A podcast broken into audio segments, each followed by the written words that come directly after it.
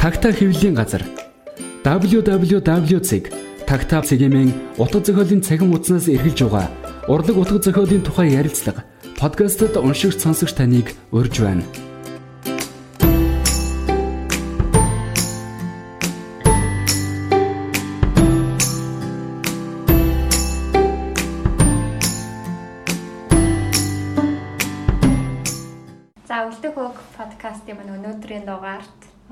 Одоо яруу найрагч уран тагаас оролцож байгаа. Тэгээ би нөгөө өмнө нь 3 подкаст хийсэн байгаа. Шинэ үеийн гэдэг юм уу?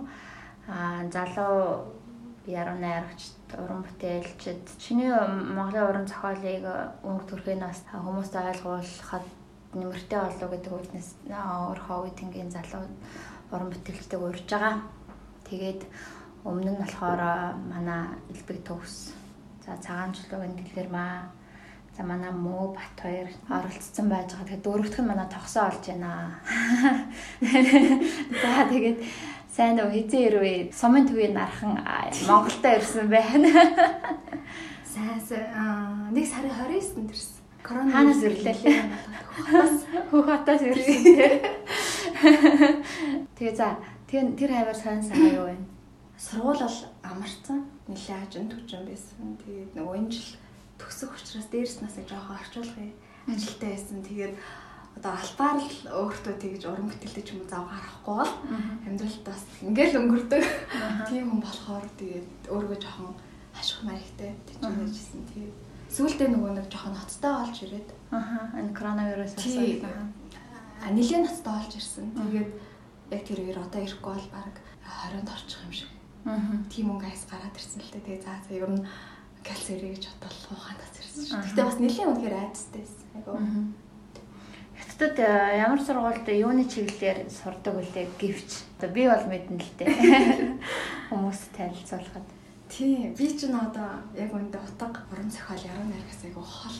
Аа. Тийм хэрэгжилтэй, тийм ажилтай юм шүү дээ. Аа эхлээд хүмүүлгийг олон улсын харилцаа нэмэрчлэр төгссөн. Дараа нь мойсийн бас олон улсын харилцаа нэмэрчлэр магистр сурж байгаа. Тэгээд өвөр Монголын их сургуульд мэрэгчлэр өргөжлүүлээд одоо тэгээд илүү эдийн засаг тал руу болсон. Докторын ажил хамгаалахаар ингээд сурж байна. Тийм. Доктор өрн тогсоолох юм шүү дээ. 18 орон тогсоос.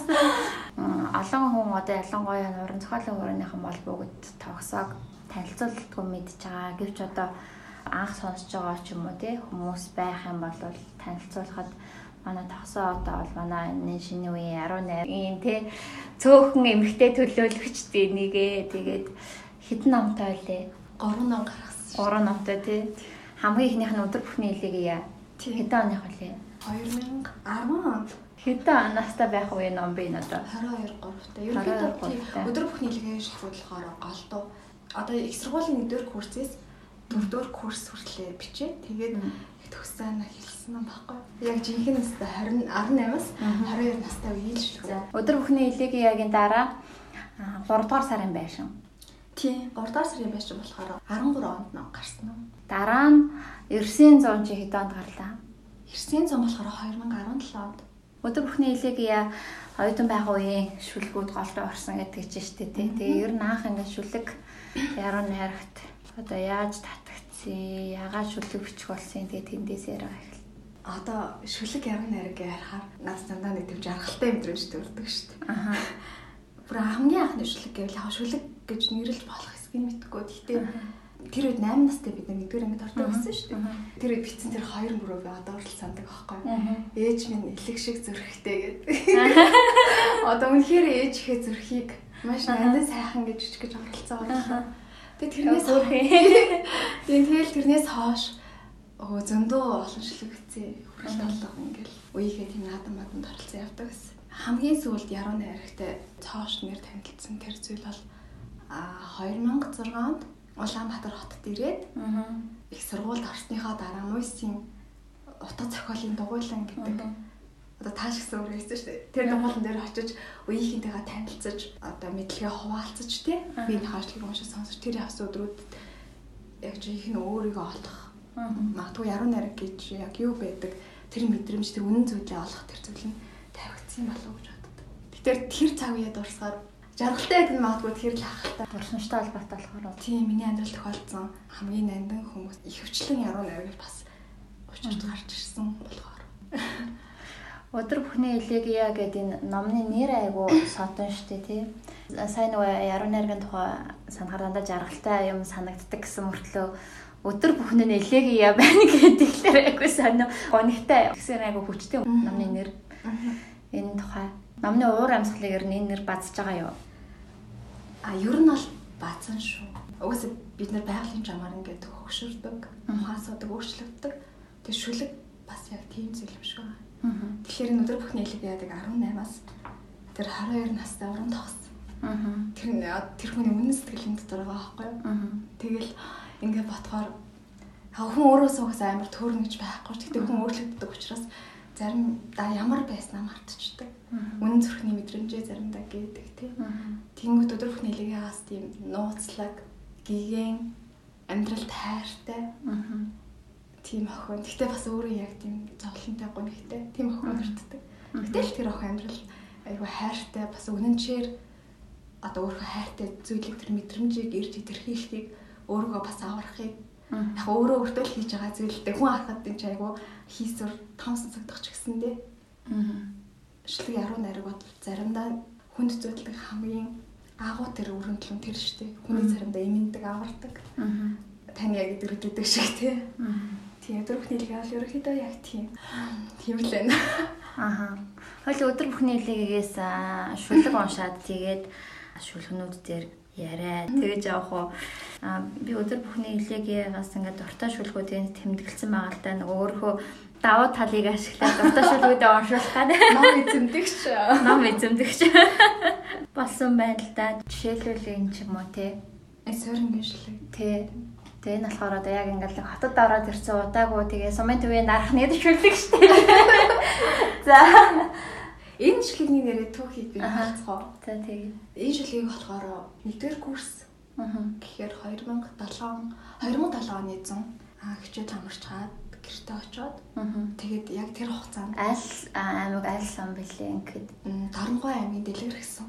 Тэгээл нөгөө нэг Улаанбаатар хотод өнгөрүүлсэн хагас жил миний хувьд тэр үед цааш нээлт одоо тийм зүйл байсан. Тэгээ сумдаа эргээд очсны дараа яхаа нөгөө хүн чинь тийм аниргүй тийм нангум орчинд айгуух татгшаага бидэрдэг. Тэгээ дээрэс нь одоо өмнө нь харж исэн миний сум миний нутаг одоо хагас жилийн дараа эргээд очиход бас арай өөр санагдах тийм. Аа. Хөл хөдөлгөөнтэй олонний газар байж байгаа буцаад очиход тийм. Тийм тэгэл дээрэс нь нөгөө хот газрын тэр сайхан муухай бас миний суурингийн сайхан муухай бүх юм нь одоо үйл ялэг надад тийм гонхтой мэдрэмж төрүүлчихсэн. Тэгээд нэг бодлын ийм нам гүн газар өөргөө авдаг юм шиг нэг бодлын ийм нам нам гүн газар тий өөрийгөө сүйтгдэг юм шиг тийм мэдрэмж төрөө тэгээд энэ суурин ижлгүүдийг биччихсэн. Тэгээд энэ яг нөгөө суурин ижлгүүдийн хамгийн анх бичигдсэн. Аа шүлэг тэгээд дараа нас араас нь нэлээд сөрөнгөний тухайшлууд бичсэн байдаг. Аа. За одоо энийг ашиглах. За.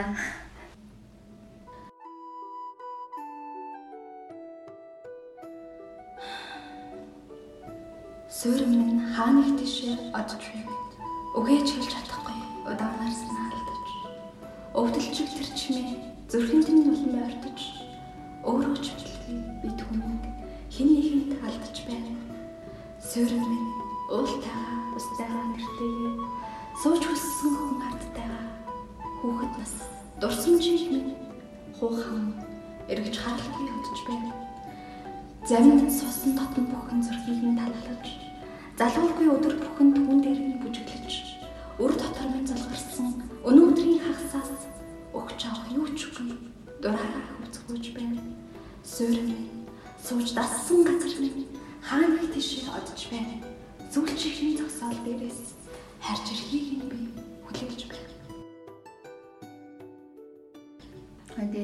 дуртай шүлэг. Төөрөө бас сумын төвийн нархан. Ой, нархан ч бас арай биш ээ. Сумын төвийн нархан гэдэг шилх чинь нэг гурдаас ирэх машин дотор байдаг. Бүр юм байхгүй юу? Тэгэхээр надаас амар гоё дотн дулаахаас нэгдэж. Аха аха. Ерөнхийдөө бас яг нөгөө би тэд одоо шүлэг бичдэг дээрэс нь бас найз нөхдийн гоё нантай харилцаатай. тэг энэ хаашлыг одоо мэддэг мэдэрдэг тий уулзтаа ингээд энэ хаашлыг дурддаг энэ бүрт амар тийм гоё хайр дурддаг шүү дээ нэг хин нэгэн хүн чамайг ойлгодог мэдэрдэг байхын сайхан бас өгүүлдэг юм шиг тий тийм гоё мэдрэмж дурддаг сумын төвийн наахан байж байгаа. Одоо их сургуульд ороо за ингээд Улаанбаатар хотын бүсгүй болсон байна тий тоглоом нарганаар ярьж байгаа ч гэсэн ингээд энэ хөдөө амьдрал тий хотын амьдралын ингээд эрсдэс ялгаанаас ингээд хүний мэдрэмж өөрчлөгдөх ч юм уу ингээд харьцуулалт хийх ч юм уу тий эсвэл одоо тийм мэдрэмжүүдийг харьцуулах ч юм уу юм тиймэрхүүнүүд хэрэг байдгүй. Одоо хөдөөний хүүхдүүд одоо бичиж байгаа шүлэг мүлгэн одоо бидний том ялгчтай Монголын уламжлалт яруу найраг мэрэг гэл тий тэгш жаахан одоо ойлгомжтой өөр байдаг дээ Тэгтэл одоо чи чинь сумын төвийн архан мөртлөө шал өөр юм биш үү? Өөр өнгө аясаар эхнээсээ л өнгөөдөө нэгдүгээр курсын хүүхд шал өөр өнгө аясаар амар тийм одоо юу гэдгийг хотын сонсогдоод байгаа байхгүй? Яалтчгүй нөгөө одоо хаан төрсөн хаан амьдарч байгаа нь хүний төлөвшт үзэл бодолтой нөлөөлдөг. Гэхдээ одоо хүн болгонд өөрийн нэг тийм тавтагчгүй мөн чанар ч юм уу хүний өөрийнх нь тийм тод араншин байдаг юм шиг. Тийм тэгэл би өөрөө болохоор нэг тийм ховирч өөрчлөгддөг хүн. Гэхдээ тэр ховирч өөрчлөгддөг хүн гэдэг нь болохоор одоо үнд зүйлээ мартдаг ч юм уу, өөргөө хин гэдгийг мартдаг тийм төрөл биш. Одоо илэрхийлэмжээ ч юм уу өөрчлөлт тийм тэр талыгаа бас октомоз үйл гэж боддгоо. Тэгэхээр уран бүтээлчгийн хувьд ч юм уу тийм ховирч өөрчлөгдөн гэдэг шин зүйлийг хайна гэдэг заавал байх хэрэгтэй гэсэн үг. Тэгэхээр сумын төгний нархаа уран тогс. Улаанбаатар хотод амьдраад ингээд малтгүй тэжлгүүд нь өөр болсон юм шиг хэрнээ тавын цаана магадгүй би гэдэг энэ хүний мөн чанар өөрөө бас их хойрч өөрчлөгдөх дуртай тийм хүний нэг төрлөж магадгүй одоо тогтоолсон хэрдэг гэдэг чинь тэр шиг чи халуун чи чаддаг, бүлээн чи чаддаг. Чи улаан чи чаддаг, ноон чи чаддаг. Гэтэ чи хүн байх нэг чухал чи ус байх нь чухал.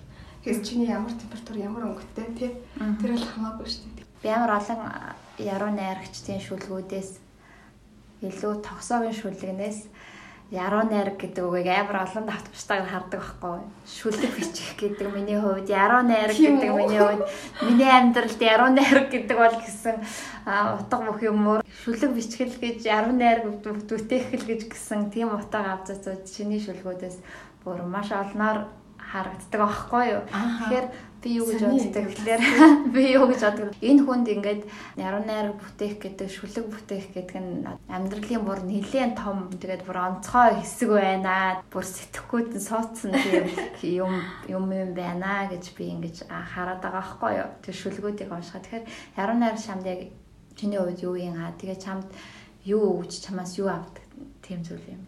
Тийм одоо шилбэл бид нар агаар байхгүй ч юм уу ус байхгүй ч юм уу хүн амьдрахад айгүй хэцүү тэр чинь амтан байлгаж байгаа тийм амьдралын амин чухал зүйлүүд те.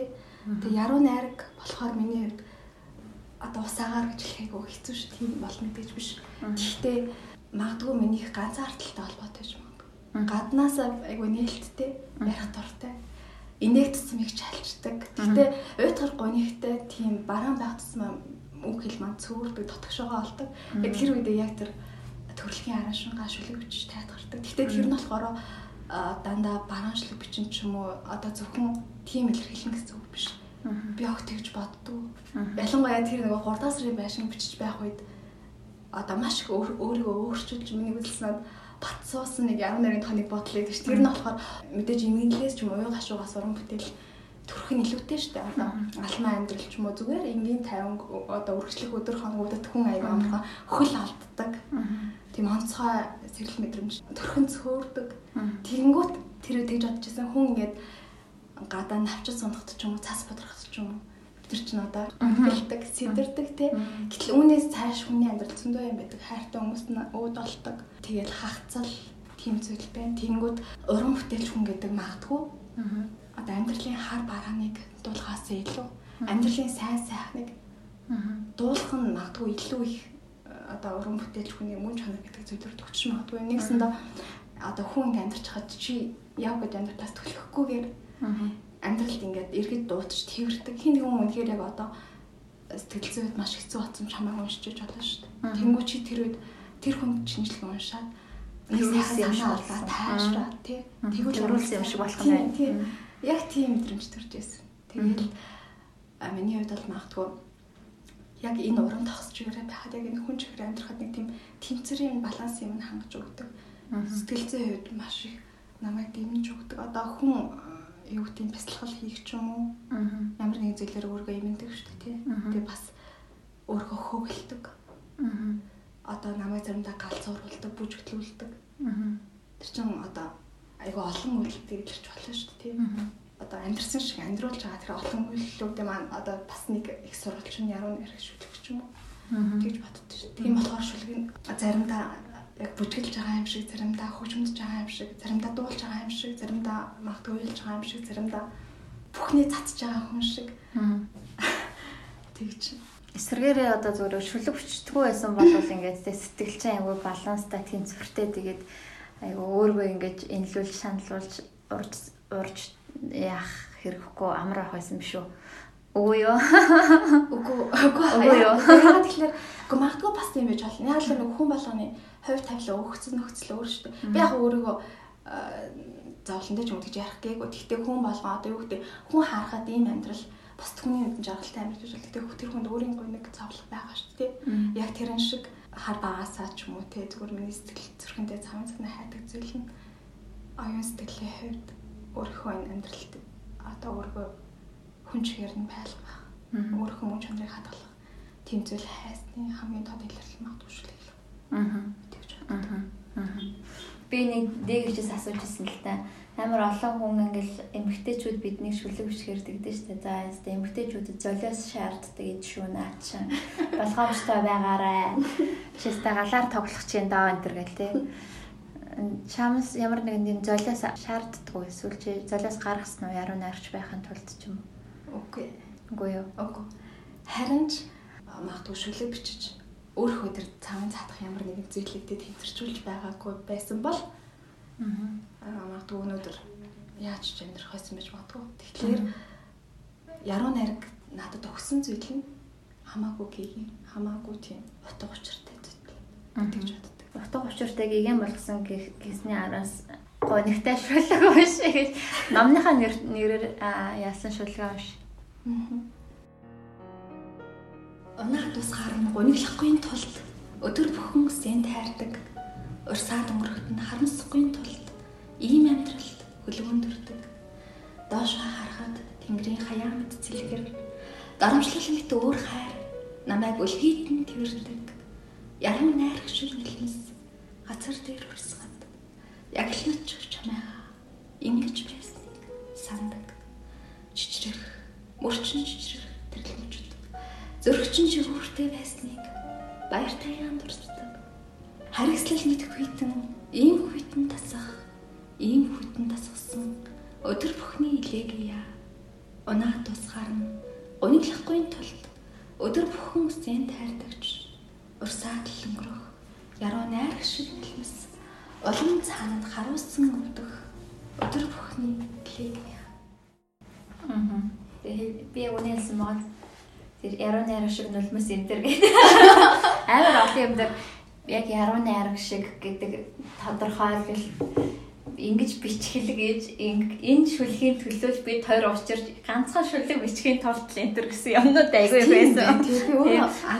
Тийм айгүй их байсан аахгүй. Тэгэхээр энэ хүнийг одоо юу гэдгийг амьдралд энэ яруу найраг гэдэг зүйл бол бусад одоо яруу найрагчдын ч гэдэг юм уу те сэтгэл зүйн дардгаас нэлээ хүнд чинь дарддаг юм байна та гэж айгуу тийм бодож ирсэн. Гэтэ ер нь бас тийм шүү.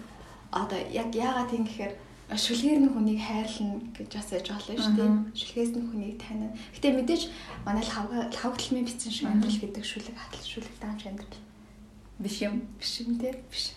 Яг тэрэн шиг одоо юу гэдэг хүн ингээл яруу шүлэг шиг ч юм уу тэгэж бүхэл бит амьдрал нь яруу тийм гэж байж байхгүй шүү дээ. Гэхдээ үнэхээр л тийм одоо яруу найргийн хүрээнээс шүлгээс бидэрсэн ариуныгийн зүйл миний зүрхэнд илүү их ойр тусдаг ба. Тэгэл хамгийн дэрмтэй сайхан мэдрэмжүүдтэй хуваалцахтай бишдэг байж магадгүй.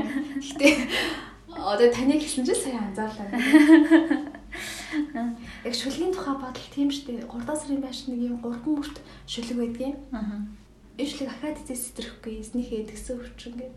Аа. Тэгэхээр одоо юу гэдэг биччихээд бид нар яг мартчихдаг шүү зэрэг. Аха. Тэгэхээр хүн өнгөрсөн юм аа ч юм уу яхаа би нэг юм шлиг бичсэн гэдэг мэддэг. Гэхдээ дотор нь тэр зарим юм бол тэгэл байнга сөхөж уншаал те.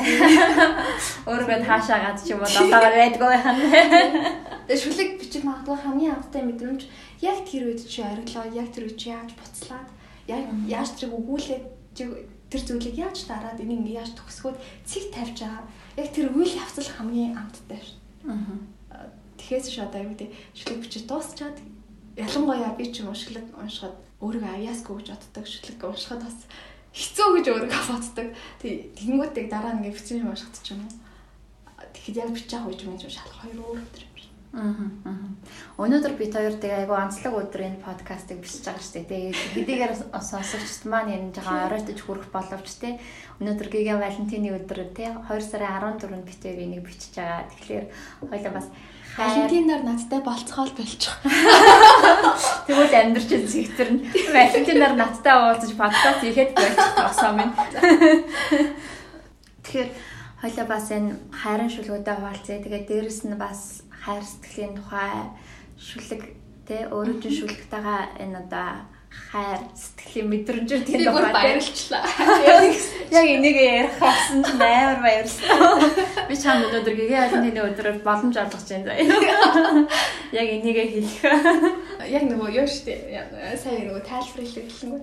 Рүү нөгөө нэг эмхтэн яруу нарийн хүчгээ солио шааддаг гэдэг шиг одоо ялангуяа 30 гараад ч юм ингээд ирэхээр эмхтэн хүн болж төрсөн дөө дээрэс нь бас жоохон ч гэсэн мэдрэмжтэй ингээд өөрөө ямар нэгэн зүйлээр тайшруулж илэрхийлж одоо шүлэгч яг тийм шүү дээ. Хүнд өхөөсөө илүү эхлээд өөрийгөө одоо эдгэж өөрийгөө ингэж чөлөөлж өөрийгөө гоё хөвлөж тий тэгдэг зүйл дараа нь тэгээд бусдад хүрдэг.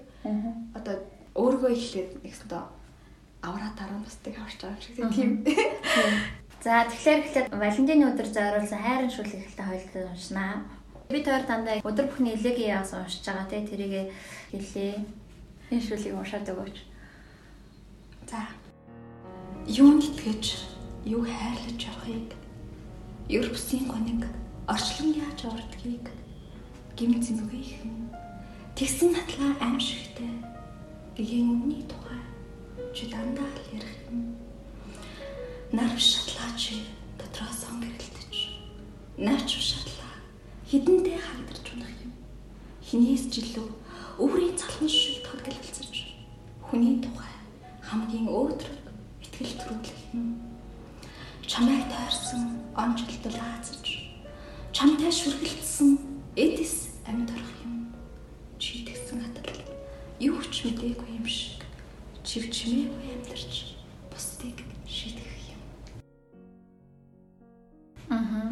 Гоё шүлгийн түүхийг яриад өгөөч. Энэ шүлгийн түүх үү? За, энэ шүлгийн түүх нэг шүлэгч төхөн зориулжсэн шүлэг. Тэгээ яалтчгүй нөгөө дурлсан хүний сэтгэл бас байна л та. Тэр хүний яруу найрагт шүлэгт нь бас тэр хүнийг нь хүнд те. Тэнгүүт одоо тэр хүн маань айгу тийм даруухан зөвхөн өөрхөшлөг бичдэг тийм хүн байсан. Тэгээд эцээч одоо юу гэдгийг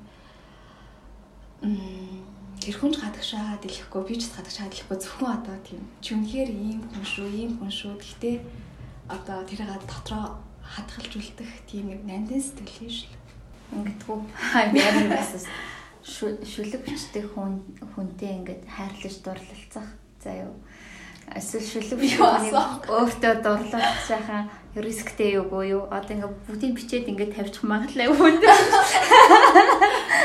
Одоо жишээл дуу дуулдаг хүн өсрөөд дуул дуулна үстэй тэр чинь. Тэгээ заримдаа ч бүр тэрэнд энэн тэгээ тавьж байгаа шүлэг бичээд тавьсан байдаг ч манайхан ч энэ жаахан рисктэй чи ихтэй яг энэ одоо зориулсан шүлгүүдтэй ч гэдэг юм эсвэл те заавал нэрийн тавигалгүй шүү дээ ийм шүлгүүдтэй хэр одоо үнэнч шудраг хандаж чаддаг яг бичиж байхдаа дотроосоо. Би өөрөө аюу тийм татагшоо хин нэг найзхаа удажсэн хүнийгээ удажсэн хин нэг хэрэг надад ямар нэг үг хэлэл миний ам аюу тийм цаочтай авдар шиг гэж бас боддөө шүү дээ тэгэхээр яг тэр шиг магадгүй миний зүрх сэтгэлдэх хамгийн том тесрэлт хамгийн ихээр дэлгэж байгаа л яруу найрах. Тэрэн дотроо би яг тэр үнэн тий яг юу хэлхийг яахыг хүсэж байгаа тэрийг бичих хүсдэг. Гэтэ тэр чинь яг хүн харахад жоохон өрөөсгөл л төө. Гэтэ яруу найрагч хүний хувьд байж болох.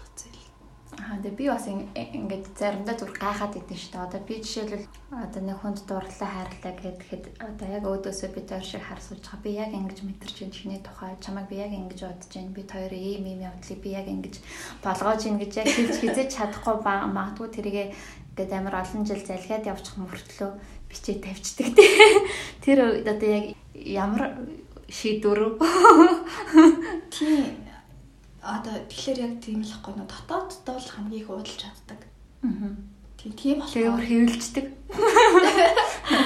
Тэр хүн чинь чаас бичих үсэг мэдэн шүү дээ уг нь. Тийм хичнээн тийм байлаач магадгүй одоо хүний сэтгэлдэх тэр нандин юмыг би амаараа чи тийм шүү юм шүү гэж хэлж хаас миний тэр нандин юм хүн шүлийн маань уншаад мэдрээд үнэхээр ойлгоод нандин чадвал тэр бас илүү өөр гоё юм зүйл тийм.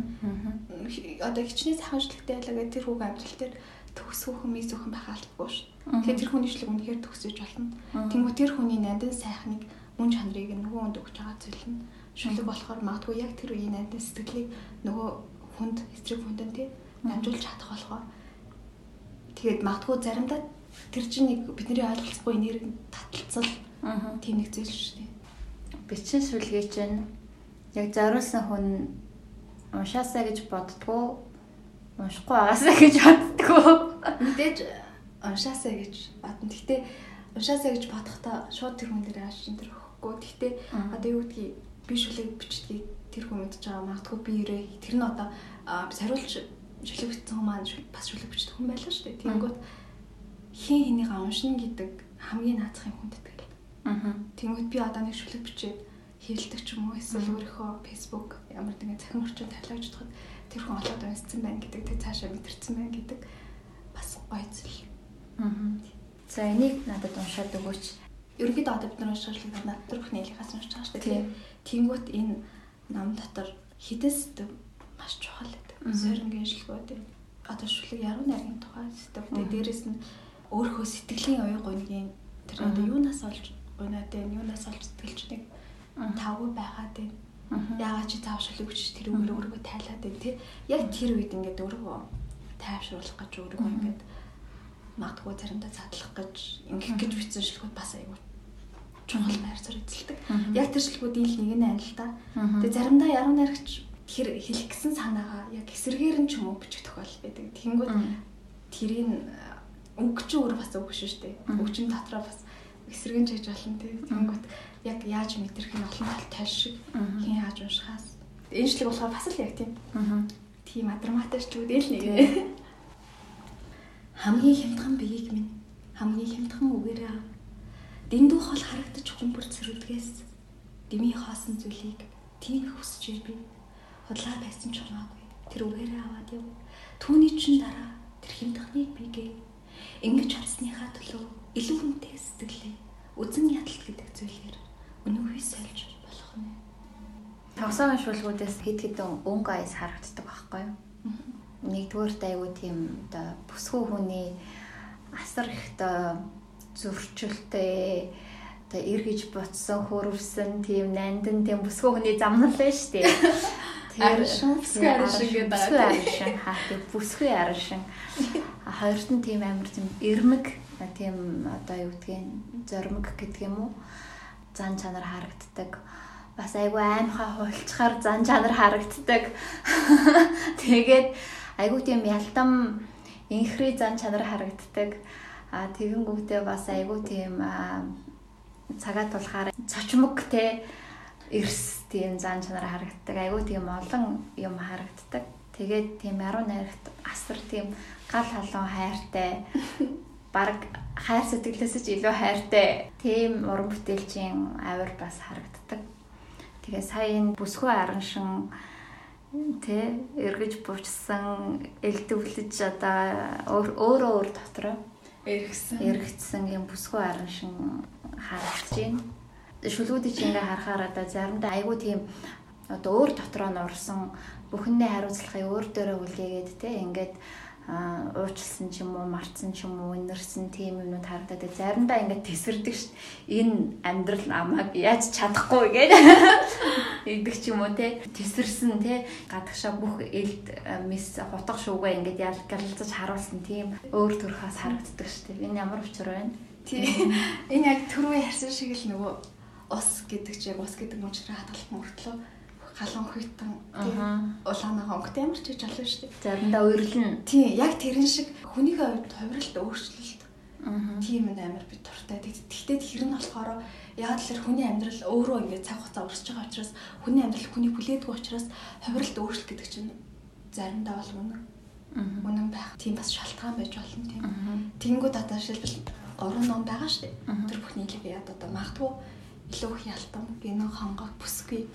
Арин шунтай охин байсан бол 3 дахь сарын байшин. Магадгүй илүү их яруу найраг өөр одоо өөрхөн шүлгүүд илүү их өөрхөн дотоод тэр зүйл рүү өөртөө хамаатай тэр зүйл рүү ингээд эргэлт хийсэн, хайсан. Уран бүтээл чинь санаар. Тийм бас аль болох ингээд өөрийгөө далавчаа өөрхөө үзүүдийг ингээд тэнийдлэхийг хүссэн тийм бодлоо. Тийм тэгээд ирсэн цаа одоо бас арай өөр. Тэр хувирлын өөрчлөлтийг би үнэн гэж хүлээж авдаг учраас яруу найраг шүлэг бичгээд үнэн амарч байгаа шүү дээ. Аа. Тийм учраас бид нар тэнийний хуулахгүй юмсан, хуурамч мэдрэмжээр бичихгүй юмсан. Аа.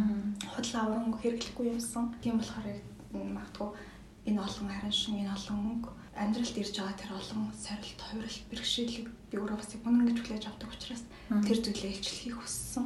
Орлогууд юм аа нэг гэж. Аа. Ойлгож болох аа. Аа. Одоо манай тавсаа ч юм уу тий одоо миний өмнө нь одоо подкастаа урьж оролцуулсан Дэлгэрмаа Төвс Батбаяр гэх мэтлээ ингээд энэ залуучуудыг ингээ харахаар сонсогчд бол анзаарах байх л да. Яг энэ хүмүүс ингээ яг өөрийнхөө амьдралыг, өөрийнхөө үнэн мэдрэмжийг бичдэм байна. Түүнээс шууд ингээд бодож байгаа. За бас нэг эх орны тухай, нэг за шувууны тухай ч юм уу тэдэм өр хэтгээ тавьчихгээд ингээд зохиодог тийм хүмүүс биш юм байна. А зүгээр ингээ өөрийнхөө байгаа үнэн мэдрэмжийг бичдэг хүмүүс юм байна. Зохиох бичих хоёр ч өөр шүү дээ. Тэрэн дотор одоо бидний нөгөө нэг яруу нэг найрган тухай үнэлэмж ч юм уу тий. Юм маань яваад байгаа шүү дээ. Зохиогож гэнэ бичиж гэнэ гэдэг дотор тий.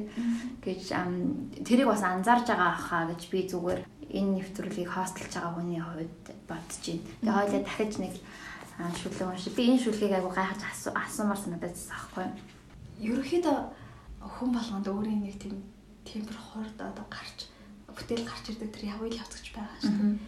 Аа миний хувьд болохоор би нэг тийм заримдаа ингээд таг байж л юм. Заримдаа бичгээр нэг өдөр хоёр шүлэг гурван шүлэг шууд бичнэ. Эсвэл бүр тэр өнгө хасаараа дараалал бичээд байна. Тэгээд гин таг зогсно. Тиймэрхүү төрлийн. Тэнгуут нэг өдөр шилбэл гурван шүлэг бичлээ гэхэд ялангуяа тэр нь ингээд хоош хол өнгөж байгаа юм бол хоорондоо хот ялгаагүй ч юм уу. Тэгэхээр одоо хүмүүс их өргөө өгдөг бах тий. За энэ болохоор яг нөгөө өнгө хасан хувьд тэг дээрс нь цаг хугацаа яг тэр нөхцөл байдлын хувьд айгуу төстэйжлэх болохоор. Хажим төрмгийн энэ хотын боолчууд хүртэл хазах болоод өвтгөх хариу авах мартахгүй. Харин цайцаас ирсэн эрх ганц хүн шиг хайгаа хэмцэг зам хэнийг ч болохгүй. Захын цэцэрлэгт хүртэл хавар ирэх нь ямаа.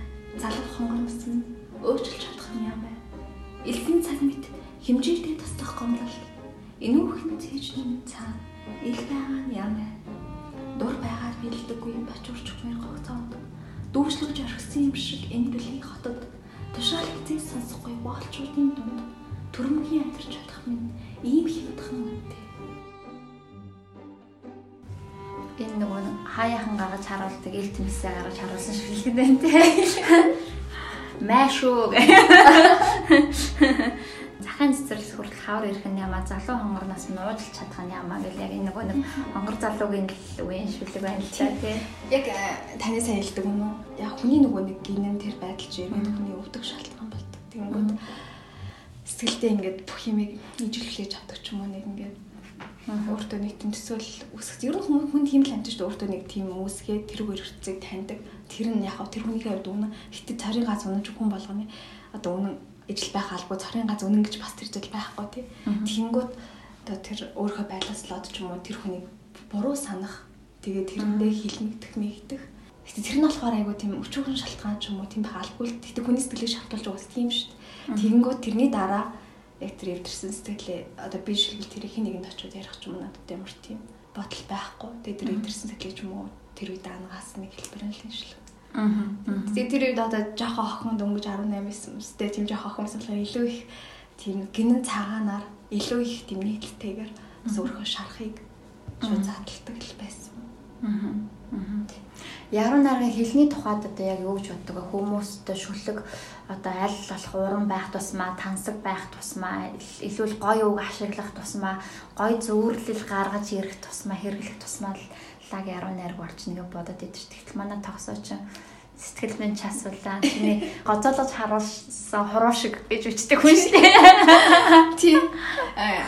Яг нөгөө хамгийн анх бичижсэн. Гэтэ тэр үед хүн нөгөө өөрийгөө ойлгоод тайлбарлах харж айгу утгагүй. Заримдаа хүн өөрийгөө ойлгохгүй. Би одоо хүртэл өөрийгөө ойлгохгүй. Тэгээ нэг тийм тийм гэсэн баримтаа байд. Гэтэ ойлгохгүй гэсэн чи тэнэг гэсэн үг биш шүү дээ. Хүн ч угаасаа нэг тийм. Магадгүй би тархинаас илүү зүрхээ дагдаг ч юм байж.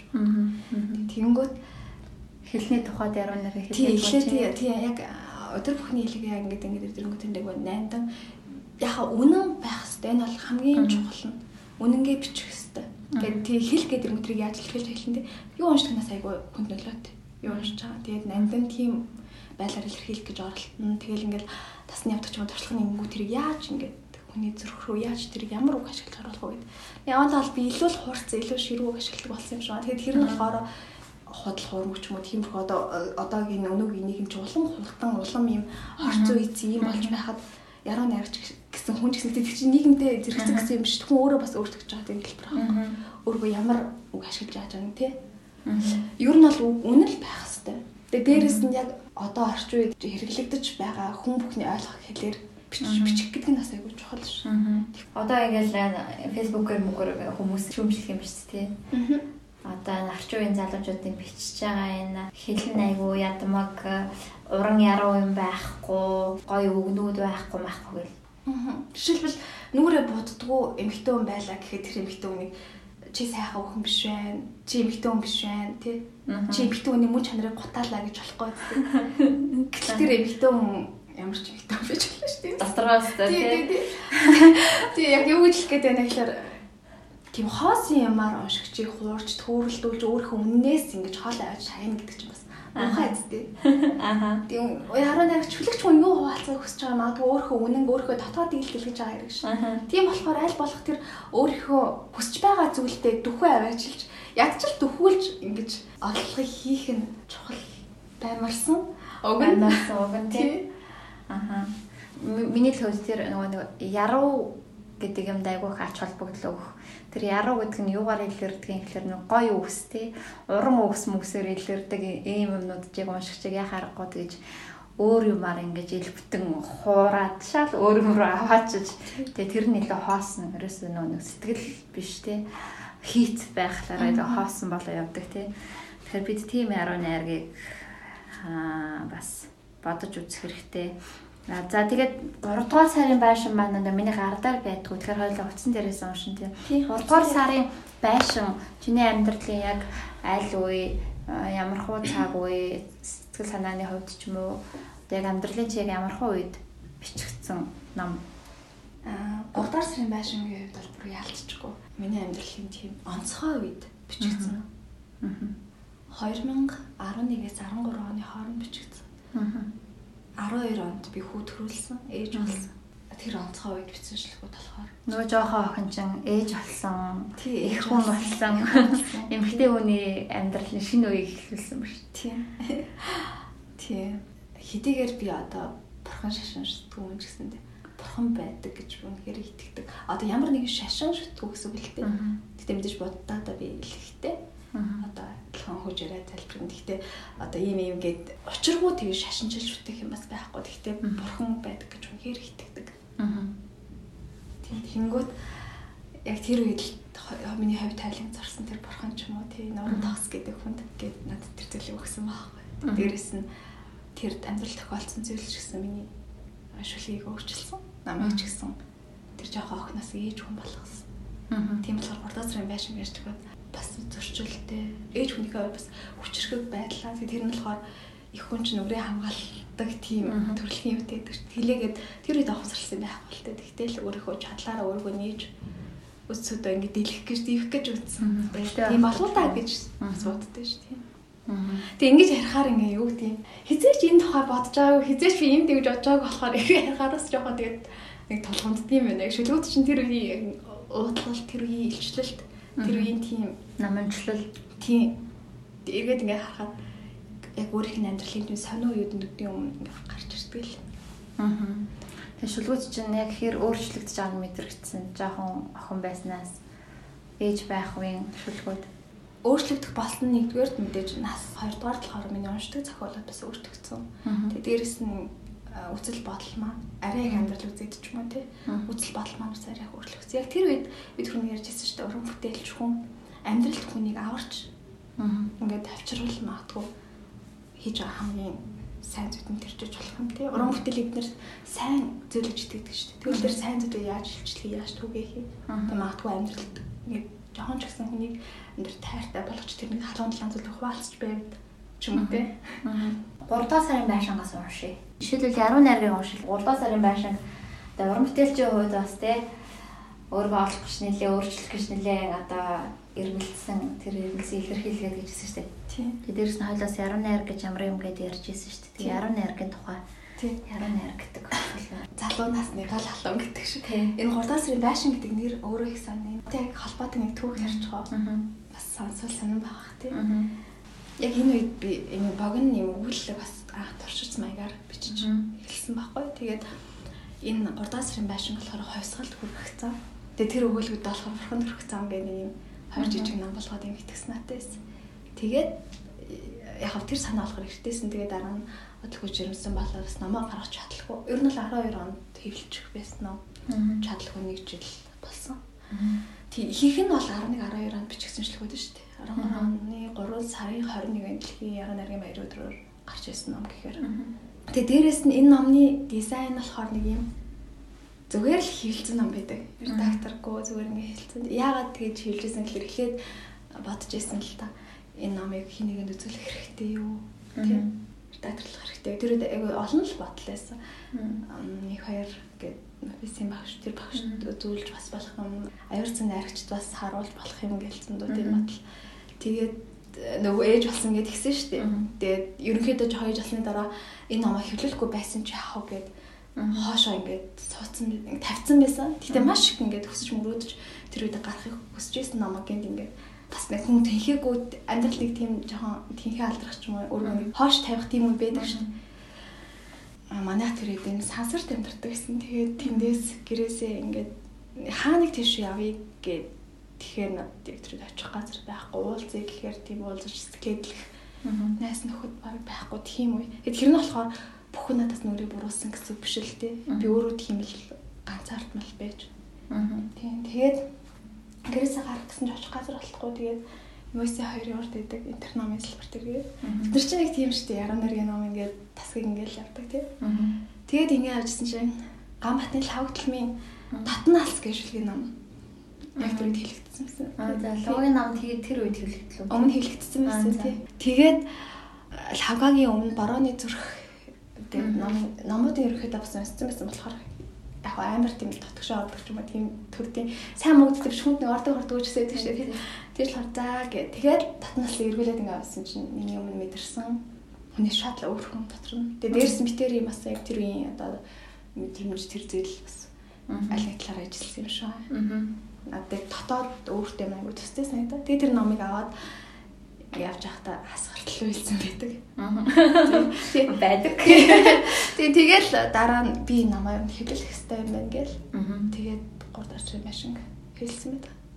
Хэлсэн байдаг. Аха. Нэрний утга нь Тэгээ тэр үед яг номоо хэлүүлээгээ бодсон нэг хувьсгалт хүрэх зам гэдэг ингээд ингүүт анх бодож исэн тэр гортог нь жоохон баларсан. Яг тийм ирмэг тэр халуун юм бас жоохон арай өөр эргэлзээтэй юм нөхцөл байдалд очсон. Эргэлзээтэй нөхцөл байдалд очсон гэдэг нь болохоор бас ээж болол бас арай өөр л болсон гэсэн үг л байл л да. Тий.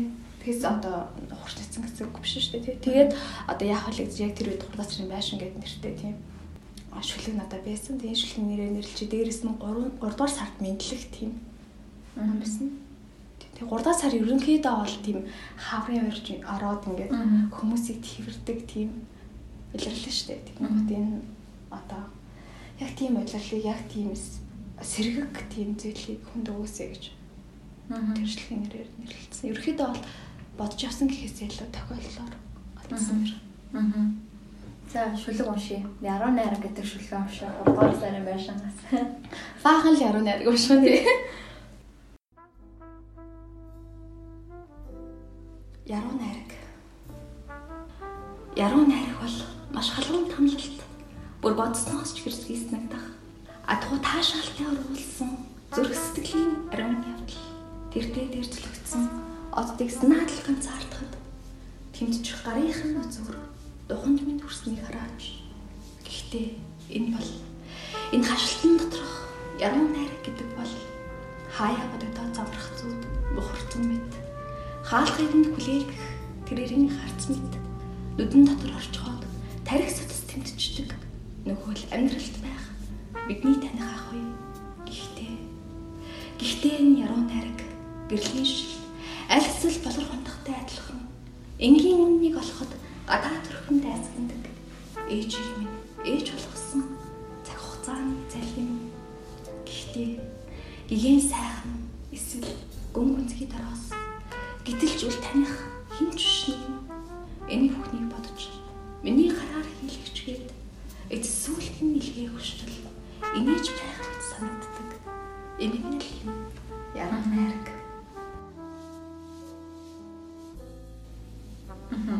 Жохон тохгүй уншчлаа тий. Яг эмгэнэл юм байна. Амар олон үзгөөсөн те нөгөөдгийгөө.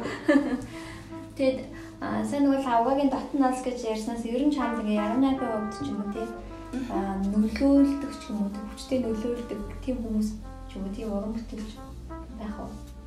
Яруу нөлөөнд тэр автах уу? Яруу найраг шүлэг төдий чинээ одоо хайртай байх тусмаа бас төдий чинээ зай зайгаа барихыг хүсдэг.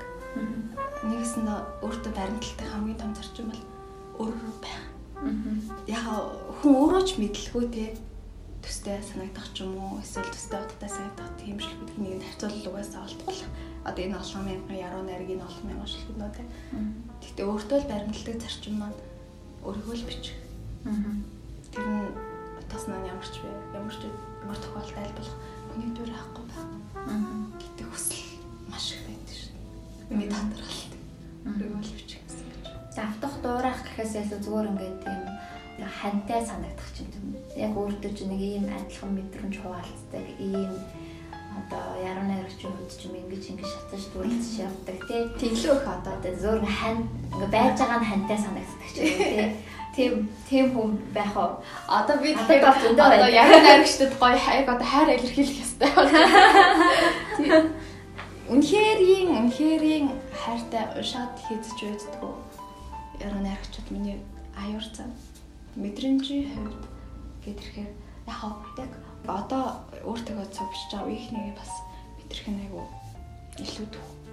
Тэгээд тэрхээр бас яг хэдий өөр хүмүүс ч гэсэндээ заримдаа илэрхийлж бишүүлж ч юм уу юм ч юм уу тий. Яг битэр ижил бол угаасаа хоёр өөр л тоо. Гэхдээ илүү харахад төгсөн төгөлтэй ч юм арай ижилсэж болох гэл магадгүй илбэг ах ч юм уу. Гэхдээ битэр бол өөр хүмүүс шүү дээ маш өөр. Гэхдээ магадгүй магадгүй гэхдээ бас хизээч энэ тухай өмнө нь яг бодож байгаагүй юм. Тэгэхээр яг хандлага гэхээр Илбэдэ жаа нөр химнэл ойрхон байж магадгүй тий. тий. Хэмнэлэг Тесрэл хөгжмөлөг гэдэг нь тесрэлтэй тесрэлттэй Нэр нь тесрэлттэй тий хөгжмөлөг гэснээс яг тийм байхгүй. Миний ээж ч юм болохоор нацаараа тийм самын соёлын төв тийм хөгжмийн багш хөгжмөж ийсэн тийм үү? Маш хатан төрлийн хөгжмийн сүсгээр ингээд тоглож чаддаг. Тийм тиймгүүт одоо ч гэсэн сэтгэл санаанд маань маш том байр одоо эзэлдэг, маш том сэтэл төрүүлдэг зүйл бусдын шүлгийг уушхаас гадна ном уушхаас гадна хөгжим. Бүр үнэхээр юм одоо шил зүрхэн ярьсч гүнцгэн гэж шил үүдэж хамсраа байшин тэр шилийг ч юм уу би бас бичгтэй. Хүн ингээд хөгжмийг мэдрэхэд хөгжмөд мэдэрдэг. Гэхдээ хөгжим мэдрээд ард нь үг нь бас мэдрэгддэг тийм хөгжим байдаг. Тэнгүүт миний нэг ч гэсэн шүлэгтэй. Миний энэ шүлэг яагаад үг байж, яагаад зүгээр юм шүлэг байж хүнд хөгжим бидрүүч болохгүй гэж гэж бодсон бас тийм шүлэг байдаг. Тэр нь болохоор зорж ицсэн гэхээс илүү би өөрөө тийм орчинд би өөрөө тийм нөхцөл уусч өөрөө одоо биеэр хөгжим болно гэдэг шиг тийм- тийм сэтгэлээр бичсэн шүлэг юм байна. Яг тийм зүрх нь арьс ч үгүй нүцгэн ингээд тэр шүлгээ тийм аа тийм ритм химнэл одоо тий үүсгэж байгаа болохоор яг хөгжмийн юутай амьд хөгжим, гитар, амир хөгжим тэр зэрлүүд аягүй ч өвөр тий. А тийм тийм шүлгүүд бол яг элдв төгс таяраас тийм хөгжмийн нэлийн тийм хүчтэй хэмнэл мэдрэгдэхээр шүлгүүд байдсан байх шүү нэрээ одоо бодсон чинь тийм байна. Тий яг тэр талаараа л хэвчэж байдаг. Нөгөө нэг Америкийн битник араа наригчдын үе шиг тий. Бит бит бит. Тэгэнгүүт аягүй тийм нэг сарна штеп. Урлаг гэдэг өөрөө маш олон төгрөл зүйлтэй маш олон зүйлийг багтаадаг. Тэсэн мөртлөө хамгийн жижиг нэгжтэй хүртэл өөрийгөө агуулж чаддаг. Тийм болохоор зөвхөн шүлэг гэдэг чинь шүлэг биш үү яа хөгжим бүжиг маш олон зүйл байж болдог гэдгийг өөрхий хэрээр бас харуулъя гэж бодож байсан бас удаа би би тэгтээ яг тэр чинь бас хайрцангуй зүйл л дээ. Тэгтээ үнэхээр миний батлах шүлэгний ар хүн хөгжимдөж дуулж бүжгэлж бас болно. Тэгэхээр нэг тийм хэмжил үүсгэж нэг тийм хаас орчин тий бий болгож.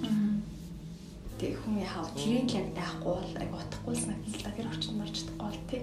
Үг гэдэг үг батал заавал юм үсгээд их чинь. Одоо өөрөөсөө өөр төвшөнд очих ч юм уу тэр чинь айгуу тий бас арай өөр. Одоо шүлэг уран яруу шүлэг ийм үг гэдгээс бас арай өөр шүү дээ тий. Бас цавын цаана. Тэгээ шүлгэндээ стил бодож олдохгүй. Би бол ингээд тавсаг амар олон шүлэг уншиж байхаар заримдаа ингээд нэг тийм одоо надад тийм сэтгэл төрүүлдэг оноо 3 4 яруу найрагч байдаг зарим. Одоо галсан сүх ахын юм уу? Удаал уусч.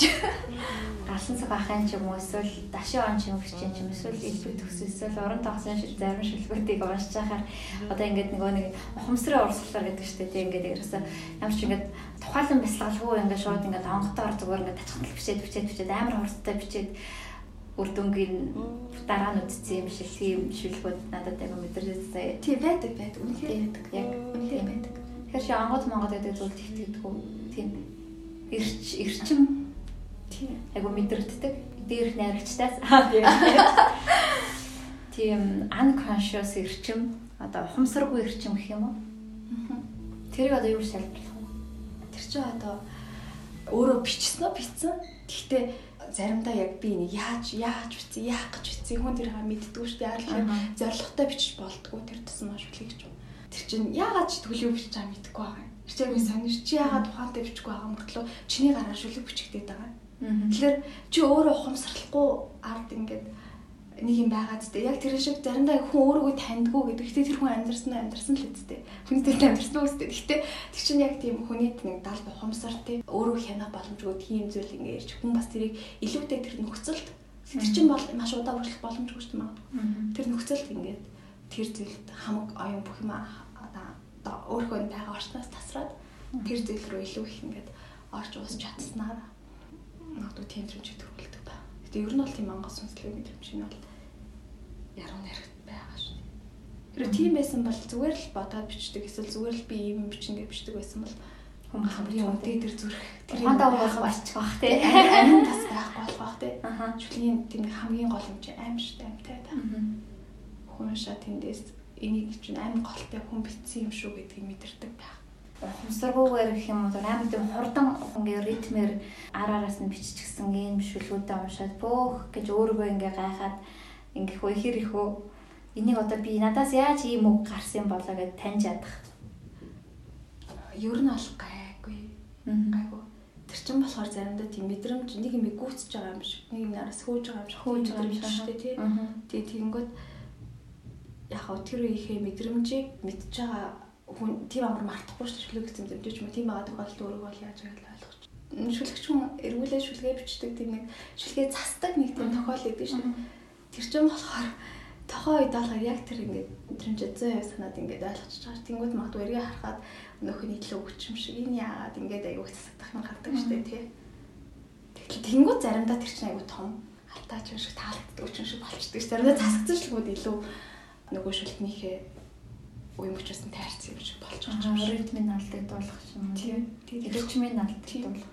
Тэр яг тийм нөгөө шүлэг өөрөө ихшний мэдрэмж, ихшний тийм эзэмдэлт болохоор тэгэхээр чинь үгээр хүний тэл нөгөө бие махбодоор дамжуулж илэрч байгаа зүйл байна. Бас яалтчгүй дутагдaltaй л та. Тэг эргээд хүн юу илээ гэж бодох тийм бас байгаль. 3 дахь сарын байшингаас дахиж шүлэг унших байлаа. Тэгэл хайр ярьсан юм чинь нэг хайр ажил хийж өндрс гоё Валентины дээр юм чинь тий. Үнэхээр амьдралдаа очирсан цорын ганц хайр агуу хайрдралтай. Агуу хайртай зориулаад зориулжсэн шүлэг. Тэгээ энэ шүлгийг та нартай зориулж уншия. Хүн болохоо сайхан хайртай учирсан байдаг гэж би итгэдэг. Гэхдээ тэрийг хас мартахгүй байх юм чухал. Аа. Өгөхийн өмнө ч гэсэн ийм мэдрэмж төрөх. Өнсүүлээд үгээр ч гэсэн мэд өрөвдлэн байх уу? Нүдийг чинь, ургуулыг чинь өөрөөсөө харж нүүр сэтгэлээ үзэн ядаж халуун шүнээр тарчлах уу? Ахаад би ингэж хэдэн жил амьд явах вэ?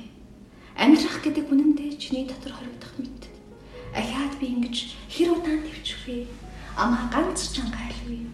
Чамайг дуудан хашгирч хэр удаан гараасан гол чи намайг татах вэ? Хэрхэн энэ дэрснийг нулимс минь илчлэн хэр удаан би ингэж үлээгдсэн бөмбөлөг шиг хавсарч илвэ. Чамайг хүлээж чадах вэ? Хэлж чадшгүй хараал шид мэд. Хэлж барамгүй бодлохоос мэд. Хайрт минь ханаж ээршгүй минь өгөхийн өмнө ч гэсэн ийм л мэдрэмж төрөх үү өгөж байхдаа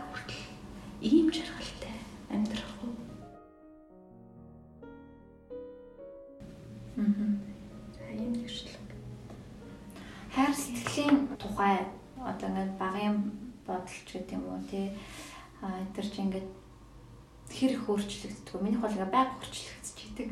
Тий өөр нь насны хэрэг жоохон өөр болно. Гэтэ би хар хар багасаа л хар багасаа ч гэж нэг хайрыг хумсартайгаар ойлгож ирсэн. Тий айгүй их дэмшлэг өчтдөг хүнтэй сон гэж боддог гэж. Тэгээ тэр нь болохоор шүлгийг дахиад байгаа юм шиг л тий. Зүгээр л магадгүй хүнд гэдэг маш олон мэдрэмж дундаас би өөрөө арай илүү ойртож би өөрөө энэ мэдрэмжийг арай илүү ойртож мэдэрдэг учраас нөгөө хүний таныхын тулд өөрөө өөртөө хүсэж байгаа тэр хүсэл ч юм уу. Тэгээс ил одоо орчлон харуух ч юм уу хүнийг ч юм уу. Бусдыг бас биш. Зөв өөрөө л ийм учраас энэгээр дамжуулж тэр хүнээс те хүн ч өөрөө тийм шуналтай хүн шүү дээ. Тийм хүнээс илүү их хайр, илүү их нандныг нь, илүү их сайхныг нь амьдрал ямар гоёыг нь те. Тэмдгийн тул мэдрэмжэндээ ойр тулдаг шүү дээ. Тийм төрлийн хөслүүд юм аа нэг ба. Гэтэ энэ хөслөө бас биелээгүй л те. Аа. Аа тасагийн шүлгүүд дотор ийм мөрөд нэг 2 3 давтагдсан байсан.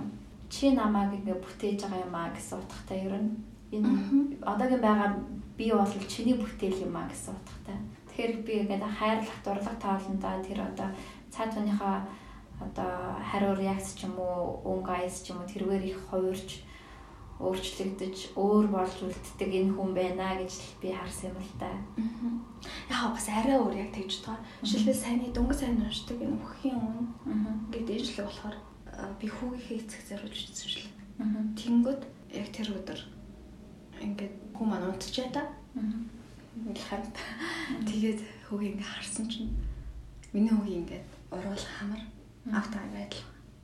Тэг яг үнэндээ энэ шүлэг нэрний хувилбар юм байсан ганц үг өөр байдгийг тэр нүдийг чинь уруулах чинь өөрөөсөө харж гэдэг үг нүдийг чинь уруулах чинь хүүгээсээ харж гэж байсан. Аа. Тэгэхээр яг нэг тийм хоолн давс нэмээд хачир нэмээд тэр хоол болдог шүү дээ. Яг тэр шиг миний амьдрал тийм зүйл нэмсэн хүн миний найзууд миний хайрч дурлж байсан тэр хүмүүс. Яг л тийм юм да. Тэгж тэгээд одоо манай дэгийн ч юм уу, лагагийн ч юм уу, чиний ч юм уу ингээд шүлгүүдийг харж байхад яг хүүдээ охиндоо зориулж утсан шүлгүүд амар хүчтэй, амар нандан. Аа эднэр чи ийм эмгтээчүүд байсан юм уу? Ийм хүчтэй эмгтээчүүд байсан юм уу гэмээр тийм айгу хүчрхэл үз цаавар амар хүчрхэл. Тэгээ айгу гоё. Тэгээд яг үр хүүхдтэй зориулж утсан шүлгүүд нь ерөөсөө муу байдгүй Дандаа гоё байдаг, дандаа алааг байдаг. Ямар очор байна. За яг өөрийгөө бол тийм мэдгүй л дээ. Тэг тийм фото зориулсан би хоёр чиглэж аягүй санаж байна. Аягүй гоё. За би л өстэй өөрийгөө мэдгүй. Гэхдээ энэ тал дээр тавгаагийнхаа дэгийгч энэ хоёр хаачлыг бол амар бас үнэхээр элэг зүрхнээсээ мэдэрч ингэж хайрлаж өччихсэн. Бас мэдээж миний хүү бол амьдрал дээр магадгүй миний бичиж чадаагүй хамгийн гоё шүлэг. Тэр хүн өөрөө ингэж надад байна гэдэгтэй шүлэгнээс ч илүү үзэл байна. Тийм болохоор тэгээд Өөрөө айдлыг тэр зэдлэг. Хоёул тэр нөгөө нэг хүүдэд зориулсан шүлгийг уншил та хаана айлаа тэр чинь. Тэр огт хэвлэгдээгүй. Хэвлэгдээгүй тий. Тэр шүлгийг би 18 онд ицсэн. Энэ нам 17 онд гарсан. Аа нөгөө хацран дүүрэн байгаагаар чинь гэдэг тий. Би нөгөө өөрөө пэйж тавьсан маа тэрнээс хараад уншсан тий. Мм за энэ 2018 онд ичсэн шүү дээ. Тэгээ шүлгийн цуг болохоор яг нэг өдөр ингээд найзтай уулзч. Аа. Гэртээ ингээд хайрж ирсэн чинь. Аа. Миний хүн. Аа. Хатцсан. Тэгээд цаанаас ингээд сарны тэгээ тасаад би яг хажууд твтэд ингээд харсан чинь сарны тэгээ ингээд хамрынхны шонх тэгээд энэ хоёр хацранд бум байсан дүүрэн яг тэр үед үнэхээр өөрийнхөө аз жаргалыг маш их өдөртөг тэгэл энэ шилхийг бүр өөрөө ирэхгүй бүр шүлэгч яг шиг бичгээд л хаар хэрвээ тэрийг төвчээд ингээд өнгөрөөч бичигдэхгүй болчтой шүү дээ тэгэл өстө босоол гэлс битсэн мэт аа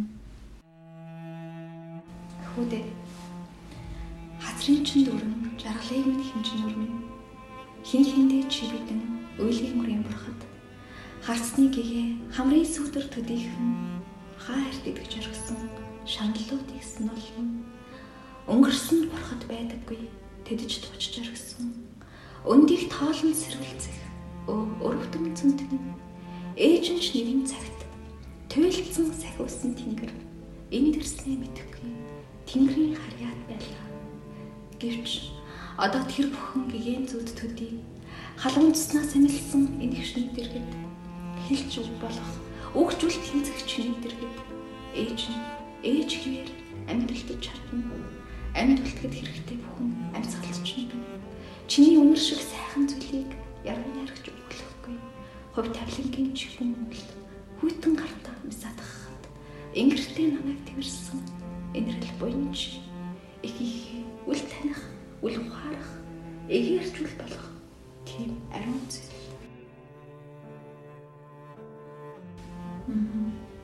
Бас нэг үүдээр зорьшлуулсан наадах чи ойролцоо тий. Урдаас байшин гэдэг хаа нөгөө 70 дорч нэвэт эргэсдийн мотор даруй биш амьдрах тавилан чам тайрлан гэдэг. Тийм. Тэр үү? Тийм. Нэг баганчлаг санжир гэдэг нэрээр нэрлэгдсэн. Урдаас руу байшин. Ер нь бодоод байхад манай манай залуучууд ч гэсэн яг хүүхдтэй зорьшлуулгууд нь айгүй гоё Тэгээс нэг мембер ахын оролт орчин бурхан чамайг таньна гэх шүлэг аягүй дуртай. Манай гончхогийн бас аав яаж гоохаад шиг болгошроо тийм заруулсан шүлэг. Манай бүүгийн хүүдэд заруулсан шүлэг тийм ингээд тийм манай элбэг ингээд гой шүлгүүд дандаа бас яхаа хүүхдэд заруулсан. Аа одоо бид хоёр Эрсийн зууны тухай. Энэ энэ яагаад ингэж нэрсэн? Энэ амар эрс Эрсийн зам холцолч нэр. Тий. Ерөнхийдөө одоо хойсгал төрөх зам гэж нэрлэх гэж байсан Эрсийн зам гэдэг. Бич бас тийм гүцгэн мэг юм гэдэг юм шүү дээ. Тэнгүүд яагаад Эрсийн зам нэрлэх гэхээр хүн харахад тийм эрэггүй юм шиг тий. Тийм санаа итгээд ингээ хүний ингээ нүд булаахгаа өгсөн нэр юм шиг. Гэхдээ яг үндэ бол миний одоо тэр өсөж том бол хавс тэдгээр миний ээж ингээ миний гэр бүл нэртэйс ч гэсэн аавгаа би бас үнэхээр онцгой тийм парсоринд авч үздэг. Тэгээ дээрэс нь бас миний хүү миний амьдралд ингээд ирсэн хүн миний хүү байсан. Тэгээд дээрэс бас миний тэр хайртай байсан хүн байна. Ингээд бадангууд миний амьдралын тийм гурван үе миний амьдралын тийм үе гурван эр хүн тийм үнэхээр намайг тэрсэн тэр гар эрэхтэн байсан. Тэгээд энэ намайг ирсэн зүгт ирсэн. Дээрэс нь энэ нам болохоор ер нь бол нэг тийм бүхэлдэгдөө тийм хайр тийм эмхтэй хүний дотоод эрэгтэй өнрөө хандсан тийм мэдрэмж илүүтэй болохоор ингэж нэрлсэн гэж хэлвэл цаг байна. Тэгээд энэ нөгөө цаг хугацааны хувьд ч гэсэн одоо хамгийн сүүл бичигдсэн ном болоод чи тэр юмгаа анзаарсан чинь шүлгүүд амар богинохон. Одоо нөгөө хоёр номтойгоо харьцуулахад шүлгүүд маш их богиносон тавчулсан одоо тий илэрхийлүүд маш тодорхой болсон байсан. Цэгтэрсэн юм шиг. Тэгээ тэр чамд яг яаж ажиллаж надад болоод айгүй ингээд хараад шууд айгүй тийм тавч зэгстэй илэрхийлүүд ороод ирсэн байсан. 17 онд ч би өөр Монголд очоод нөгөө сургуульд хятад сургуульд сурч байх үе тий. Тэнгүүт шүлгийн ном яагаад гарахтай гэхэд чинь тийм шүү дээ. Жишээлбэл одоо номтой харагдах ч юм уу тэрнээсээ илүү өөрөө чи ингээд хувирч өөрчлөгдөж байгаа учраас тэр үеийнхээ тийм сэтгэлийг тэр их өөр өөрийнхөө бийг тэмдэглүүлж байгаа хэрэг. Тэнгүүт 13 онд урдаас рын байшин гарсан гэдэг чинь тэрнээс хойш ингээд бас нэлээд удцсан. Тэгээд бас яг тэр үед бас шүлэг бичихгүй ч бас байсан л та. Шүлэг тэгсэн доо тэр чинь бичүүлэхгүй бол бас хүчээр бичиж болохгүй тийм зүйл ш. Тийм тэгээл заагарч ирсэн нэг нэг ном гарах хэрэгтэй юм гарцсан. Тэгээ дээрэс нь яалтчгүй л хэдийгээр хэлэл барьгүй байсан ч гэсэн хэрэг нэг ном болоход хэлж гэсэн илүү байсан. Дээрэс нь магадгүй олон жилийн цай байгаа болохоор хүний хувьд илэрхийллийн хувьд илүү тод, илүү хурц. Тийм болсон юм бас байна. Баяраа дээр зүг нэргэж ярьж ирсэн. Одоо ингэ том дэвтэртэй байхаар амар урт бичээд идэг. Тийм болохоор ингээ жижиг дэвтэр аваад тэгээд жижиг бичнэ гэдэг. Тэгээд манай баяраа бол оюут байхаа явуулсан бүр ингээд ийм бүр нэг жижиг ийм алган чинээгээ дэвтэр авч энэ дээр хайку бичих байгаа гэсэн явж ирсэн. Тэгээд би найрагчсан байхад тэрийгээ садаад за тогсон энэстэй жижиг дэвтэртэй байсан үе нэ. Илэрхийллийн үед аягүй зэгцэрсэн байсан. Тэгээд за энэ бол ингээд хийц мийцсэн үнэхээр одоо бас тий шүлгүүдтэйгээ адилхан ийм яруу дизайн дизайнтай ийм номоо. Тэгээд энэ номны илэрхийллүүд нөгөө хоёр номноосоо бас яг юугаар ялгаатай. Их орноосоо хол, гэр орноосоо хол, тэг ганцаараа сурж байсан үе, тэг тэгээд жан насны үед ч усж байхаа энэ хоёроос чагаалсан байсан үе. Өөр би болохоор ингэж заахгүй яг энэ дээр байгаа шүлгүүд нь илүү одоо 3 дугаар сайрын байшныг ингээ уншихаар ингээ бүр мэд зүрх тэлсээд ингээд байдаг бол энэ дээр одоо илүү тийм одоо юу гэх юм шарх сарва долоогоо босоод ирж чинь жаа эдгэрсэн ч гэдэг юм уу те илүү хүчийг олсон эмэгтэй хүний дуу хоолой. Тийм тэр утгаараа эрсэн 100 тий. Тийм одоо унсан сөхөрснөөс босч ирээд тийм өөрөө хүчийг мэдэрж байгаа эмэгтэй хүний дуу хоолой энэ дотор байна гэж. Тэгвэл түгээс ярьсан шүү дээ. Эрэгтэй хүнд талархаж явдаг. Эмэгтэй шүлэгчтэй хүнийх байрт. Аа нөгөө хөгжим байлаа гэж бодоход тэр хөгжмийг хишгэлүүлэх тийм хоруу байлаа гэхэд тэр хүмүүс зариулж гаргасан. Дээрээс нь нөгөө өөрийгөө дотоодох маш олон төрчлөө ингээд ялсныхаа тэр нь одоо баг зэрэгтэй айнаад ингээд ч юм уу илүү их тайвнаар хайрын тухай, хүний тухай, амьдралын тухай хэрэгцүүлсэн. Магадгүй амьдралын ямар үе ямар байхаас хамаарат тэр үед биччихсэн чинь сэтгэлзээ айгуу чухал. Одоо ч өдөр бүхний гэлээд орч юм тийм яарсан юм огт байдаг шүү дээ. Тийм амдын тийм одоо одоо боргосон мигдсэн тийм төрөмжүүд ч юм уу байхад урдаас шин байшнаар болохоор бүр ингээд яарсан шавцсан заримдаа бүр ийм ингээд тесэрч хамшиж өгөх тийм мэдрэмж байла халуун мэдрэмж байла гэх тийм дээр болохоор илүү их тогтун. Тэг илүү их тийм жоохон амс хийсэн ч юм уу тийм амс хийсэн. Тэг ялангуяа тэгээ нөгөө эрэгтэй хүнтэй холбоотой мэдрэмжүүдтэй бас зөвхөж харч гэсэн тийм шиг. Яг эрэгтэй хүн бол тэгээ яалтчгүй яг энэ нэр яг энэ үүднээсээ өөрөө тийм бүтээлийн сэдв болоход маш сайн шүү дээ. Хүн чинь хүний хувьд хизээж тайлагдчихгүй. Дээрээс нь эмэгтэй хүний хувьд эрэгтэй хүний тоос юу гэж болно. Аа. Тэг ирхшүүлэл бүсгүй нэ. Тоо хаалаа байна. Энд дэр нэг шүлэг байдаг шүү дээ. Нөгөө баг хамгийн түрүүнд л манайхан мэддэг болсон шүлэг нахаа яг энэ ном дотроос бол баг хамгийн их хүмүүс мэддэг болсон шүлэг баг. Нөгөө шүлэг хүчээд ч нэмэрхүү орчлон шүлгэлч амд явна гэдэг. Тэгээ дээрэс нь яг энэ номны нэрээр нэрлэгдсэн. Эрсийн зон. Эрсийн зон. Нэг нэгээр гоох ээлжлэн дарж гэдэг. Тэгээ энэ бас тийм ритмтэй шүлэг, ритмтэй шүлэг тий. За тэгээ энэ дээр жишээлбэл одоо ингээд одоо жаахан нэлийн тайвширсан ч гэдэг юм уу тайтгарсан тий А ямиг алсаас ажиглаад ингээд мууч байдлаар хандж байгаа шүлгүүд нь яг ингээд харагдаж байгаа юм. Жишээлбэл хайрт минь явдаа яв хачин учралж ихтэй төгсдөг. Бяцхан цэцэг ойлдоггүй би ч гэсэн нулимсгүй гэдэг ч юм уу тий. Одоо тэгээ цаанд зөндөө тийм. Тоглоомоо хураагаад уйлсан. Тоглоомоо хураагаад явсан. Том хөлтөө ойлдоггүй гэдэг тий. Эсвэл одоо аз жаргал худал байдаггүй би чамаасаа бүр яваагүй. Залбирал минь өөртөө чи миний үнэмшил гэ тий Дулааныг чинь мэдэрч дуу хоолойд чинь хавстуулсаар амьдрал минь төгс болсон чи миний ухаан гэд тээ. Одоо ийм гоё одоо уучлал одоо одоо юу гэдгийг аа уувч сэтгэл эмхтэй үнээс гардаг байх нэ. Юмыг даван туулсны дараа таньнэ. Яг яг миний амьдралыг түүх шиг байна. Шууд шүлэг гэдэг өөрөө яалтчгүй. Яг шөрөө тэр хүн яг үнэхээр одоо уран бүтээлч хүн байгаад яг л чинхүү уран бүтээлтэй чи өмнөөсөө хандж байгаа бол төсөө өсөө чиний амьдралыг бид хоёр ярина үстэй энд чинь хөөрнэ. Аа тэгээд од шиг үгүйсгэгдэж нэгнээ дулаан цуулах ойрхон хахтаж гүн учирдаг бидгээ миний дуртай мөр байна. За тийм байна. Тэгээд надад ийм энэ шүлгийг уншаад өгөөч. За лавгаар зориулсан шүлгээ уншаад өгч надад.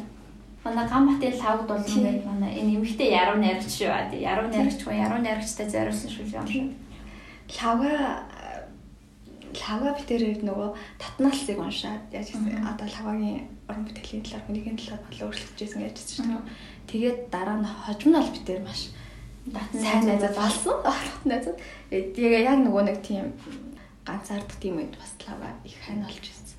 Тэгэл аргагүй л бас хайраас төрсэн шилэг байна. Нэг үгээр юу ч хийж болдог. Тэр бол чиний хэлсэн хэлээгүй зүйлс битсэн хийгээд бичээгүй. Нэг үгээр юу ч дуулж болдог. Тэр бол чиний учирсан, учраагүй эрс марцсан хийгээд мартаагүй. Зүвтнээс нь амьдрал ийм татналгүй хин нэгэн чамд над шиг дурлаж байсан? Аа. Цаа чин зөндөө дурлуулсан байх уу?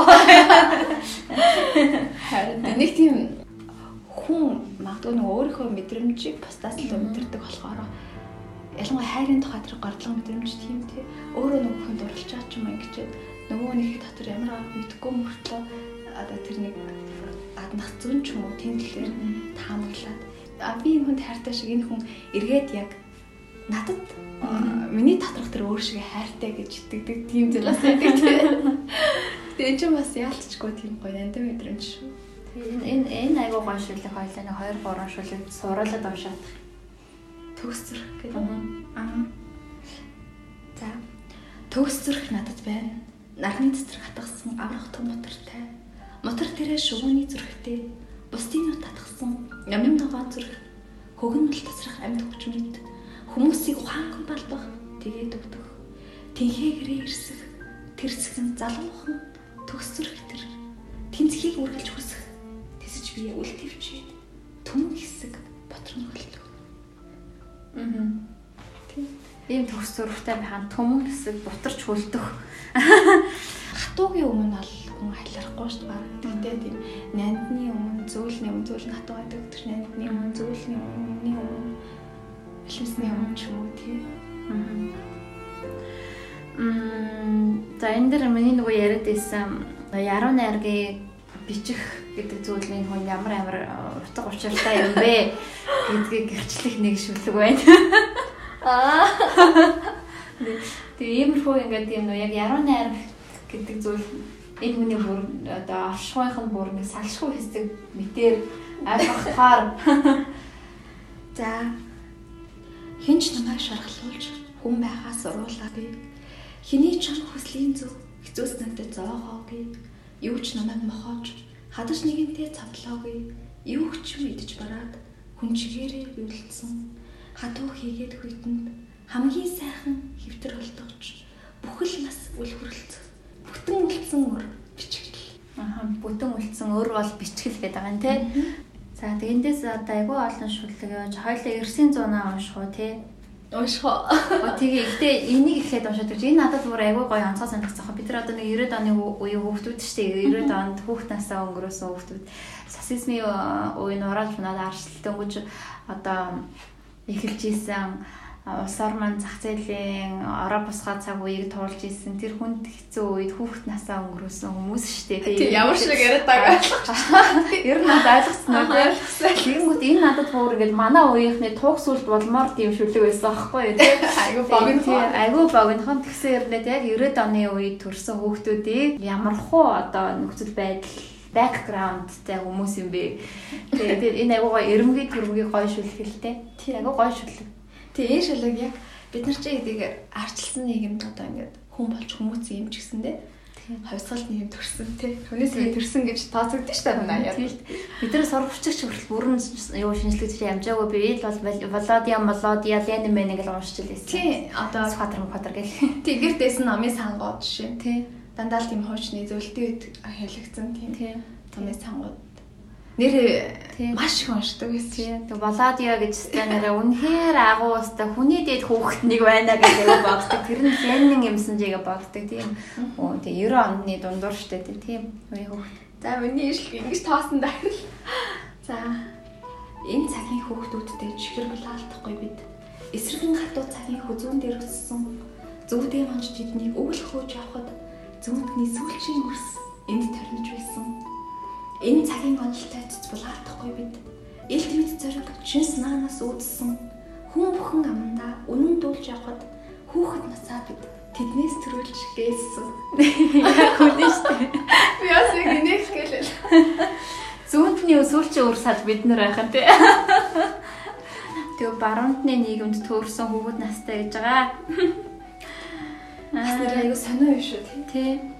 Тэгээ юм бүхэн нураад авсан. Социализмын үед одоо хүүхэд нас мас нэг өрсөн хүмүүсд ядаж шиг социализмын үеийн худлаачийн үнэнч элбэг дэлбэг юм юм дээр бас нэг байгаад үдцэн байж магадгүй. Бидний үед чинь тэг бүх юм байхгүй бүх юм зогссон бүх улсын үйлдвэр давбуурсан эцэг их нь гахаа өрөөд хил рүү явцсан. Мэдээ хүртэл ороо ингээд сонсоод мэдээгээр ямар ямар сонио мэдээ явдаг. Тий түр аимшигтай. Тий тэгээд тэр үеийн зургтын мэдээний дүрсийг би айгүй тоо санд нь штэ дандаа юм тийм ядаж яах гэсэн надад видео боддог ш тэрийг бодоход. Тэгэхээр ингээд энэ Улаанбаатарт бол хар хорон морь наран тугалын тийм зөрсөдөө хамгийн хөвгдөг байсан шиг хөдөөний өвчтэй би чинь амар олон хүмүүс ингээд тийм тарган малгай залгаатай амар олон хүмүүс бүгдд ингээд зөрлөлтэй. Бүгд ингээд зөрлөлтэй тэгтээ ингээд амнаас өөмөрсөн тийм амнаас нэг өвлийн үед уур савсан. Тэгээ ихэвчлэн ингээд тамхи татаад ингээд тамхины амар адилхан төсөөлтэй. Амар ингээд тамхины утаа ингээд савсан тий. Тэгэл хаа ингээд бүүдийсэн сүүдийсэн бүүдийсэн сүүдийсэн гэдэг нэг сөрөг сүнснүүд явж байгаа шиг. Тэгээд амнаас нь нэг бол уур савсан, нэг бол утаа савсан. Нэг тийм хүмүүсийн дүр зураг харагддаг гэсэн. Тэгээд одоо бол Улаанбаатарын гудамжийг зураглал тийм тамхи уугуулсан хүний нэг дүрсч олдохгүй та эрэнтэй тийм. Одоо тэгээд нэг ярахад ингээд тийм нэттэй ч үтээс нэг тэр үед аль бас яалтчгүй нэг байхгүй л тийм ингээд нар ингээд жоохон ч тэгтэл бас тэрийг хараад тэгээд тэр жоохон сэтгэл зүрхэндээ юу ч яасан. Аргагүй л яг зүүднээс үлч өөрс гэдэг шиг л Энэ дээр нөгөө 900 маань хаана гавь лээ? Хамгийн сүлд. Хамгийн сүлд аа. Оо, эн чинь нөгөө нэг хар дээр бичигдсэн болохоор Харанбатаа унч. Одоо ойрын үед эргээд урт бичдэг хэлбэрээ орж байгаа юм чи том дэвтэр үлдчих авсан юм байна. Одоо яасны бүүмд эсвэл уталж хөшөрснийх ба. Ямар ч байсан шүлгөө жоохон уртцаалга. Аа. За за эндээс хараад уншиж. Эрсийн 100 Нэг нэг мөчөд гох ээлжгүй дарсаар надаар тэд ин хүлэн шүрүүлж дөнгөө. Эрсийн цунд толгой өндийч хүзүүтнийг сайхан байна. Эрсийн тухай ярихад эмс шуурах хэрэггүй. Чанга дуу хэрэггүй тэд босож мэднэ. Азар бид олуулаад тэдэн ч лөөхгүй. Эрсийн цунд тэд хундаг мэд дүүрэн байг. Ээж минь шүү. Тэд биднийг үүсгэсэн. Жаргах нар мэд дундуур яг тийм блэ. Жаргалын тухай дуулах энэ мэтэрчүүд хайрхан сар мэтэрчүүд, хоригдсон сар мэтэрчүүд, хитрхи олон мэтэрчүүдээр зүрх бэлгч байхгүй.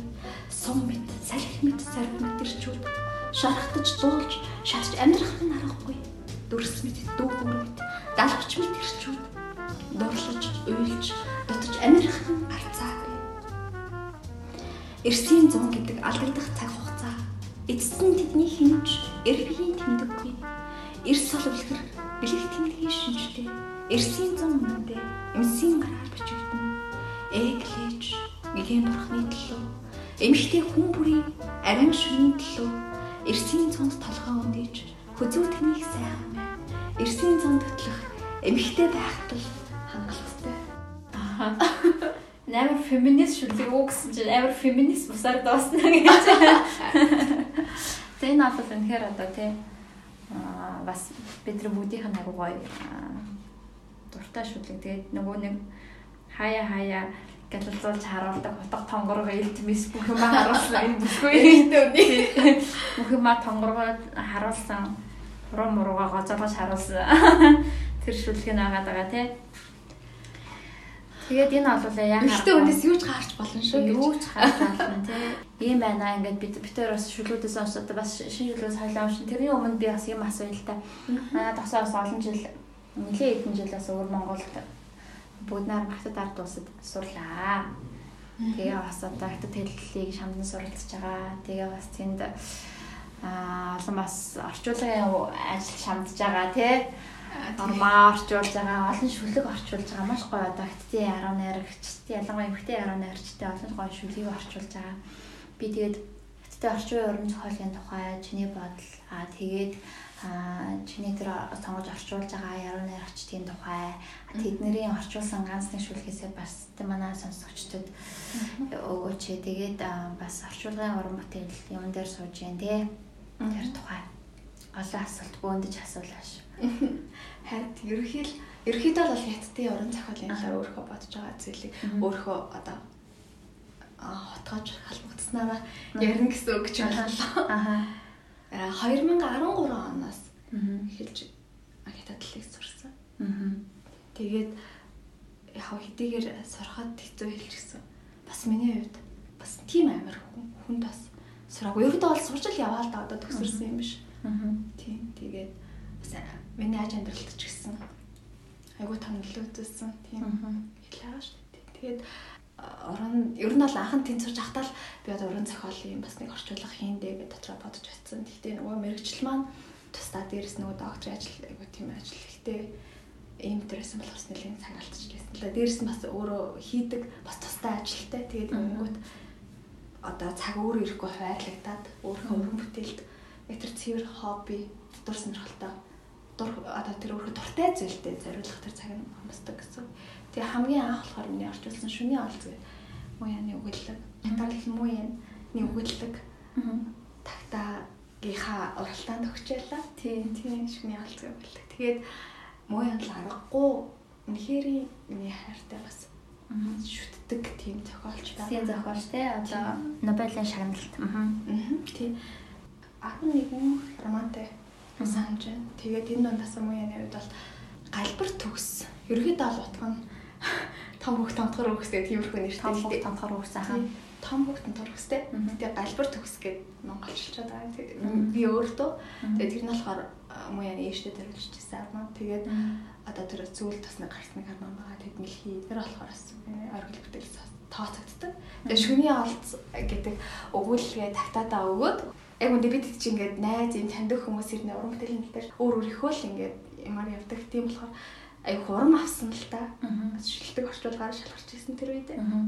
Тэгээ за ингээд өөрөө бас хүсэж зорьсон юм орчуулахад надад боломж байгаа юм байна гэж бодоод тэгээд моёны мэлхий гэдэг зохиол орчуулж эхэлсэн. Гэхдээ одоо орчуулган дээр яг 2 жил суугаад одоо болохоор гарч чадаагүй л байгаа яг бас нэг янз бүрийн шалтгаанаар тий.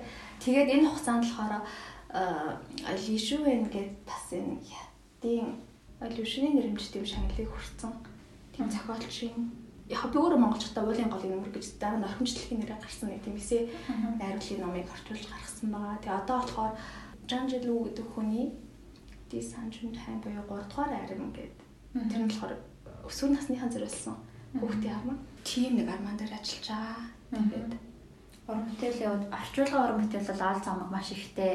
Тийм. Гэхдээ бас маш алмай.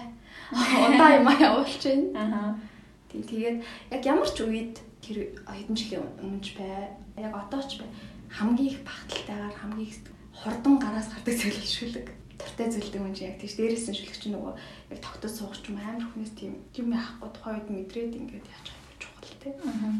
Өөрөө таньж мэдсэн энэ мэдлийнхээ хүрээд яруу найрагчдыг олоод Тэгээд хин нэг нэг шаасаснаар биш. Яг л миний мэрэгжлийн өөр уран зохиолт ямар ч холбоогүй болохоор тэр талаас мэдээлэл авах боломж надад байдгүй. Тэгэхээр зөвхөн өөрийнхөө таньж мэдснээр өөрийнхөө мэдэрч байгаагаар хүмүүсийг олж ирэх шүлхээс болгодог. Тэгэхээр одоо одоо нэг бодлын өөртөө л харанхуй тэрэн дотор саадгүй ч юм уу. Гэтэ мэдээж одоо л мэдээ мэдээлэл хөгжсөн болохоор хайгаад ингээд толж болно л доо. Гэтэ яруу наригч дундас болохоор нэлээд эмхтэй хүний яруу шүлгийг орчуулж ирсэн. Эмхтэйчүүдийг.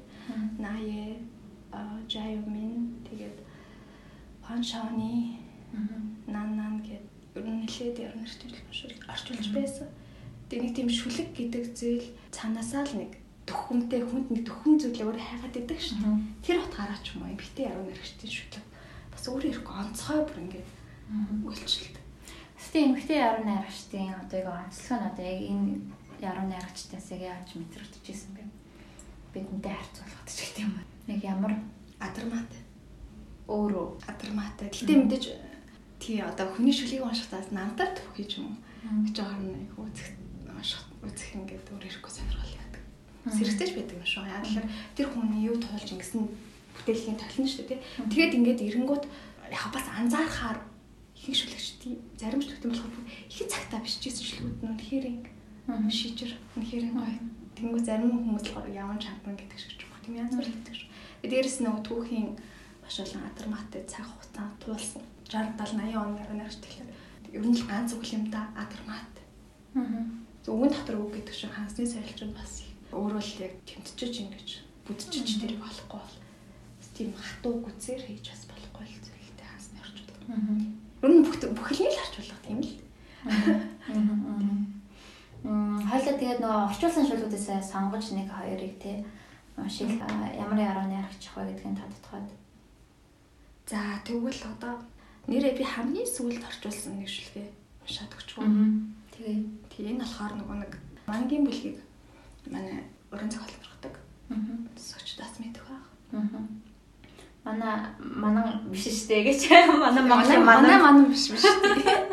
Ерөөхдөө бол хятадын уран зохиол эртний одоо энэ хаанс буюу эртний тэр хүнд тийм одоо өөр утгаар өөр илэрхийлдэг тэр одоо ёсломжлыг хаяад орчин үеийн хэлбэрт шилжсэнээс хойш оюун санааны шим шин дагалгааг үүсгэж уран бүтээлчд өөрөө өөрийгөө тийм цэврээр илэрхийлэх тийм үзэл санааны тунхаг болсон гэж нэрлэгддэг манан гэдэг. Манай Эпасын номноос бас хүмүүс харсан л тэр ном нэр үнэхээр гайхалтай. Тий. Тагтаагаас гарсан. За энэ шүлгийг унш. Энэ болохоор орчин үеийн яруу найр гэж тийм. Тий. Энэ шүлэг болохоор манангийн таван гол төлөөлөгч гэж таван гол төлөөлөгчийн нэг тооцогддог шүтгэн гэдэг яруу найр гэж. А их хорон минь чин зүрхний хайрт их хорон минь гэдэг. Энэ шүлэг байна. Бас Валентины баяраар их орноо бодоол явж байна. Тэгээ тэгээ бас хүндрэлтэн глобал даяарчлал дэлхийжлийн нөлөөгөөр одоо энэ чинь бид нар э, дэлхий бүр хэв шалтгаан болцсон. Тэгээд нэг нь ханиахад нөгөөт нь найтай тийм болохоор одоо хажууд бас энэ том улс ингээд эвгүй хэцүү байна. Бид нар бас өөрсдөө хамгаалж сэргийлэхэд хажуугаар энэ ард түмэндээ бидний хувь заяа хэдийгээр одоо бид нар хүлэн зөвшөөрөх дургуйч гэсэн бидний хувь заяа бас давхар ингээд яг явж идэх шүү гэдэг утгаараа тий. Мөнхийн өр шүү дээ. Тий, мөнхийн мөнхийн өр шүү. Тий, явж идэг гэдэг утгаараа тий энэ хятад найрагчин чин зүрхний их орно гэдэг шүлгийг уншиж өгөө. Тий, тэгээ уухаан хүчтэй байгаараа гэдэг. Тий, тий, уухаан жаа, уухаан жаа. Тий, хамгийн гол нь бас юу яг сагч хэлдэг шиг энэ шүлгийг би яагаад оруулсан гэхэлэн өчтөр оруулсан 2 сар 13 өөрөө ирэхгүй бас тэр мэдээг ингээ өглөөсөө ингээ харахаар ч юм уу тий өөрөө ирэхгүй тэр мэдээг хараад нэг сэтгэл шимшэрч байгаа. Бид чинь хүн өнөөдөр бид нар ямар үндэстэн ямар хэлтэй юм байхаас үл хамааран махан биетэй цусан зүрхтэй ойлгох нөлмөстэй улаан голтой хүн болохоор тий тэр олон хүн ингээ хяарч байхад бас өөрөө ирэхгүй сэтгэлдэн дээрээс нь бас миний амьдралын олон жил бас тийм өнгөрч ирсэн. Тэгээ найз тогтооч гэсэндээ WeChat ингээд бид нар тийм нэдэг одоо харилцаа холбооны гол хэрэглэгдэх WeChat WeChat шүү дээ тийм. WeChat ингээд орохоор хүртэл ингээд тэнд байгаа найз тогтоогоор болсон мэдээ ингээд харахаар бас их шимшэрч сэтгэл аа сэтгэл бас их төгшдөг. Тэг яг энэ мэдрэмж үүдээс би энийг бол яг тэр өдөрт нь орчуулад оруулсанчлаа. Тэгэхээр хамгийн сүүл орчуулсан миний шил гэсэн. Тийм тийм шиг. Тийм за. Ай хорон минь чин зүрхний хайрт их минь Би бол голын чинэрэгт зэвэрч муудсан хуучин усны тэр. Хідэн цууныг элгийн цөхөрч цуцсан өргөлийн дуу.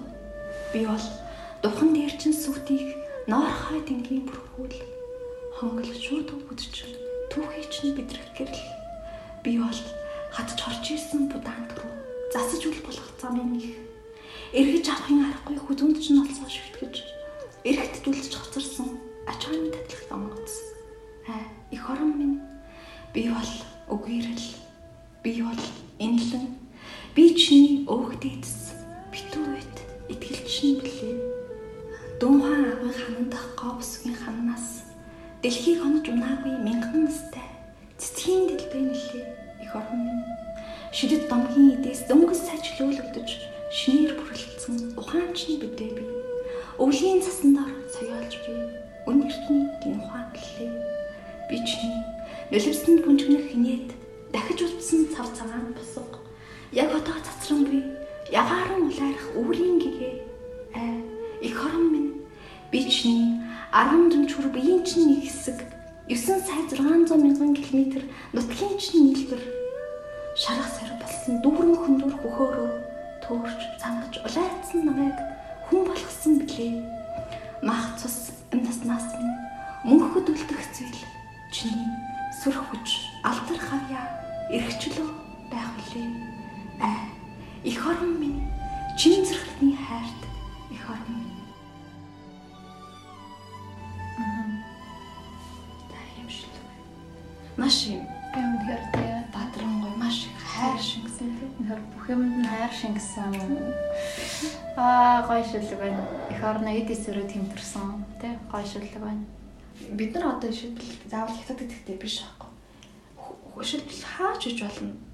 Дэлхийн хаач Америкт ч бай Японд ч хаанд ч ингээд янз бүр ийм тохиолдсон байлаа гэхэд хинээс сэтгэл өгдөх тийм хүн төдөгтөнд тохиолдсон ийм аимшиг тахлыг хамгийн ихээр хохироод ингээд үүрээд ингээд явж байгаа гэж бодохоор.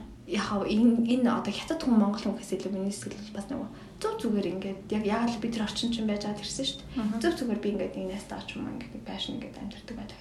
Маргааш өглөө би ингээд зүгцсэн байх. Би өөрөө өөхөн тодорхой болцсон байх. Тэр мэдрэмж. Тэгээ отоор бас их аимшигтай. Аа. Аа.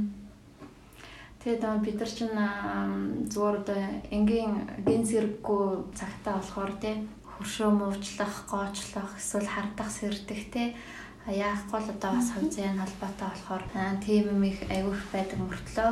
Одоо яг ингээд одоо амин тулсан үе ирж штэ амин тулсан аль альнийх нь амин тулсан ийм үе ирэхэд бас хөрш гэдгээ өөр өөр юмар холбоотой гэдгээ умартаад а хамгийн эцэг эцэд амь насаараа бас холбоотой юм шүү гэдгээ ухаарах тэр цаг одоо ирсэн байна тий тийм болохоор тэгээ яг энэ подкастын манд төгсгөл бас ийм шүлэг орж ирсэн айгу баяртай. Тэгээд хойлоо түрүүн ярьжсэн нөгөө дараагийн номны төлөвлөгөө юу байгаа вэ? Тэгээд тэнд одоо ямар шүлгүүд, ямар хуур амьсгалтай уран бүтээлүүд гарах вэ тий? Тэр тухай яриад тэгээд дараагийн номонд орох нэг шүлгээр өндөрлөдөх хөө. Харин хойлоо нилээ их ярьчлаа тий. Тий. Ерөнхийдөө нөгөө нэг хятад сурсан хий орчуулъя гэсэн бүтээл маш их байсан. Тэгтээ энэ хугацаанд нэгдүгээр болохоор эрдмийн ажил, хоёрдугаар болохоор бас өөрөө хуваараа нэг өөр ажил хийдэг байгаа. Тэгээд маш олон шалтгаанаас болоод өөрөө уран бүтээлийг олон жилээс хойш тавьсан л да. Яг хийгээгүй юм шиг олонний өмнө гараагүй байсан гэсэн үг. Тэгээд энэ жилээс болохоор өөртөө зорилго тавьчаад л энэ орчуулж байгаа бүтээлүүдээ цэцлэх гоё ингээд яруу найргийн бүтээлүүдээ гоё яг одоо манай бид юм юу гэдгийг тийм эмхтэй юм эмхтэй юмний сэтгэл юу бууж юм тэрүүгээр нь орон тогсын сонголтоор ингэж нэмэгдэх өгүүлбүүдээ бас юм итгэх. Угаалаагүй тархаа бутархаа ингэ яваад байгаа. Тэгээд дээрэс нь одоо амлхийгээ ч юм уу тийм гоё ингээд ном болгох.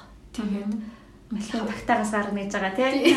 Маяны мэлхийн арма орон тогсоо орчуулгаар тагтаа паблишингаас гарна гэж байгаа шүү дээ. Тийм тэгээд тэгээд яг хажуугаар нь ганц хоёр бас уншигчд маань хөхөл нэгэнт яруу сайхан монгол хэлээр маань гарч байгаас хойш одоо жанж илүү өгдөг. Энэ хүний 3 дугаар арингийн болохоор өсвөр үеийнхэн буюу маш их орхигддаг. Ерөнхийдөө зориулагдсан зохиол гэж байдаггүй тэр үеийнхэнд байдаггүй л хэцүү ер нь маш ховор.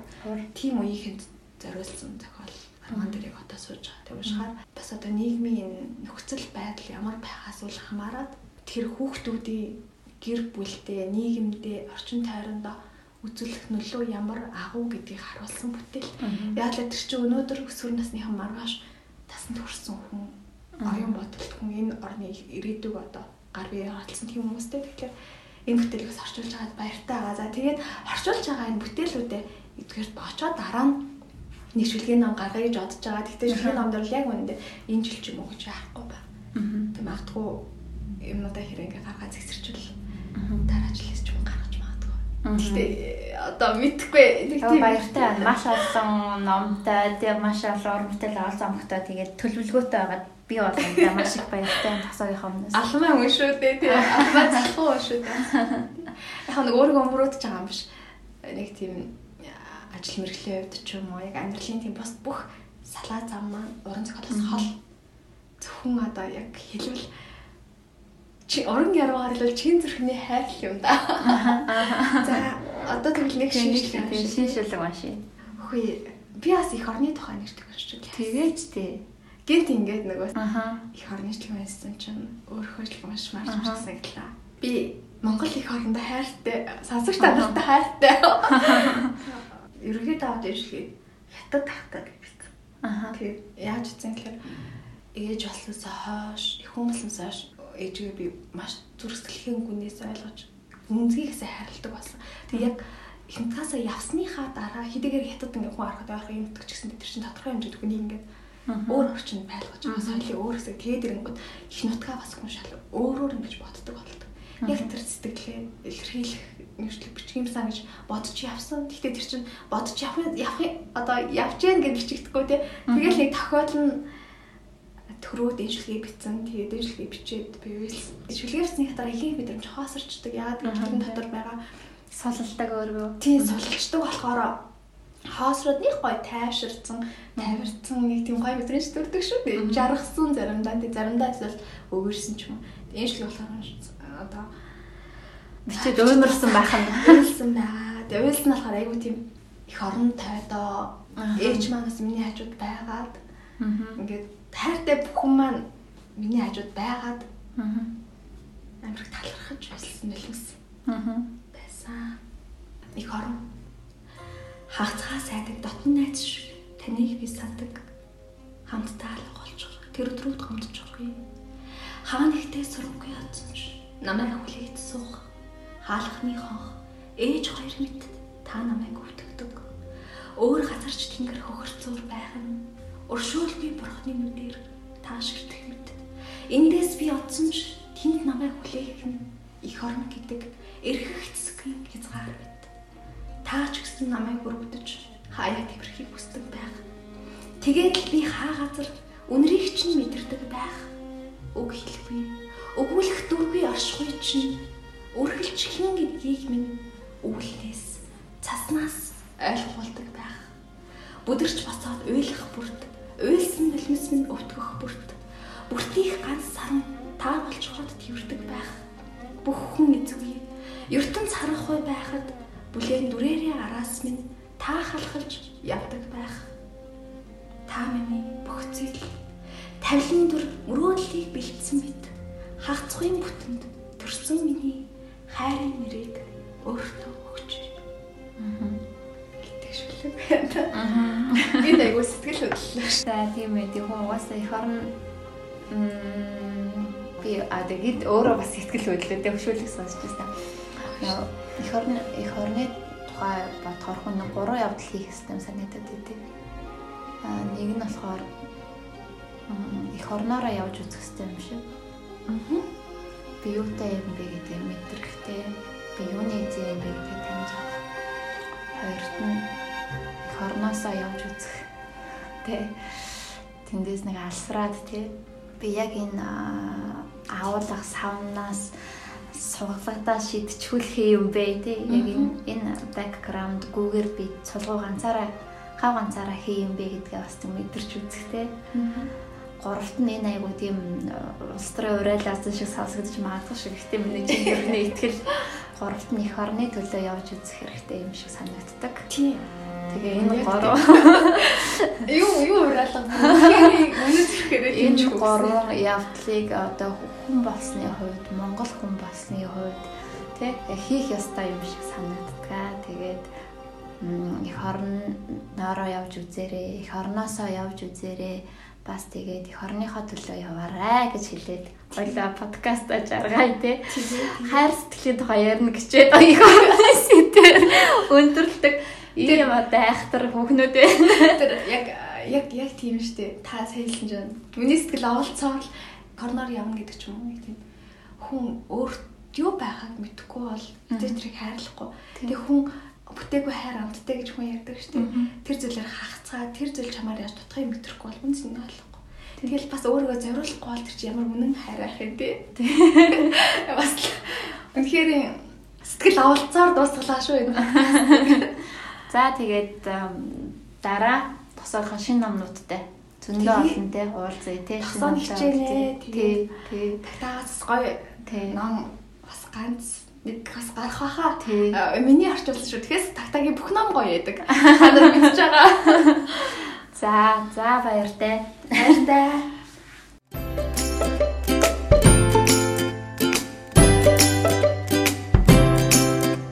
Тагта хэвлэлийн газар.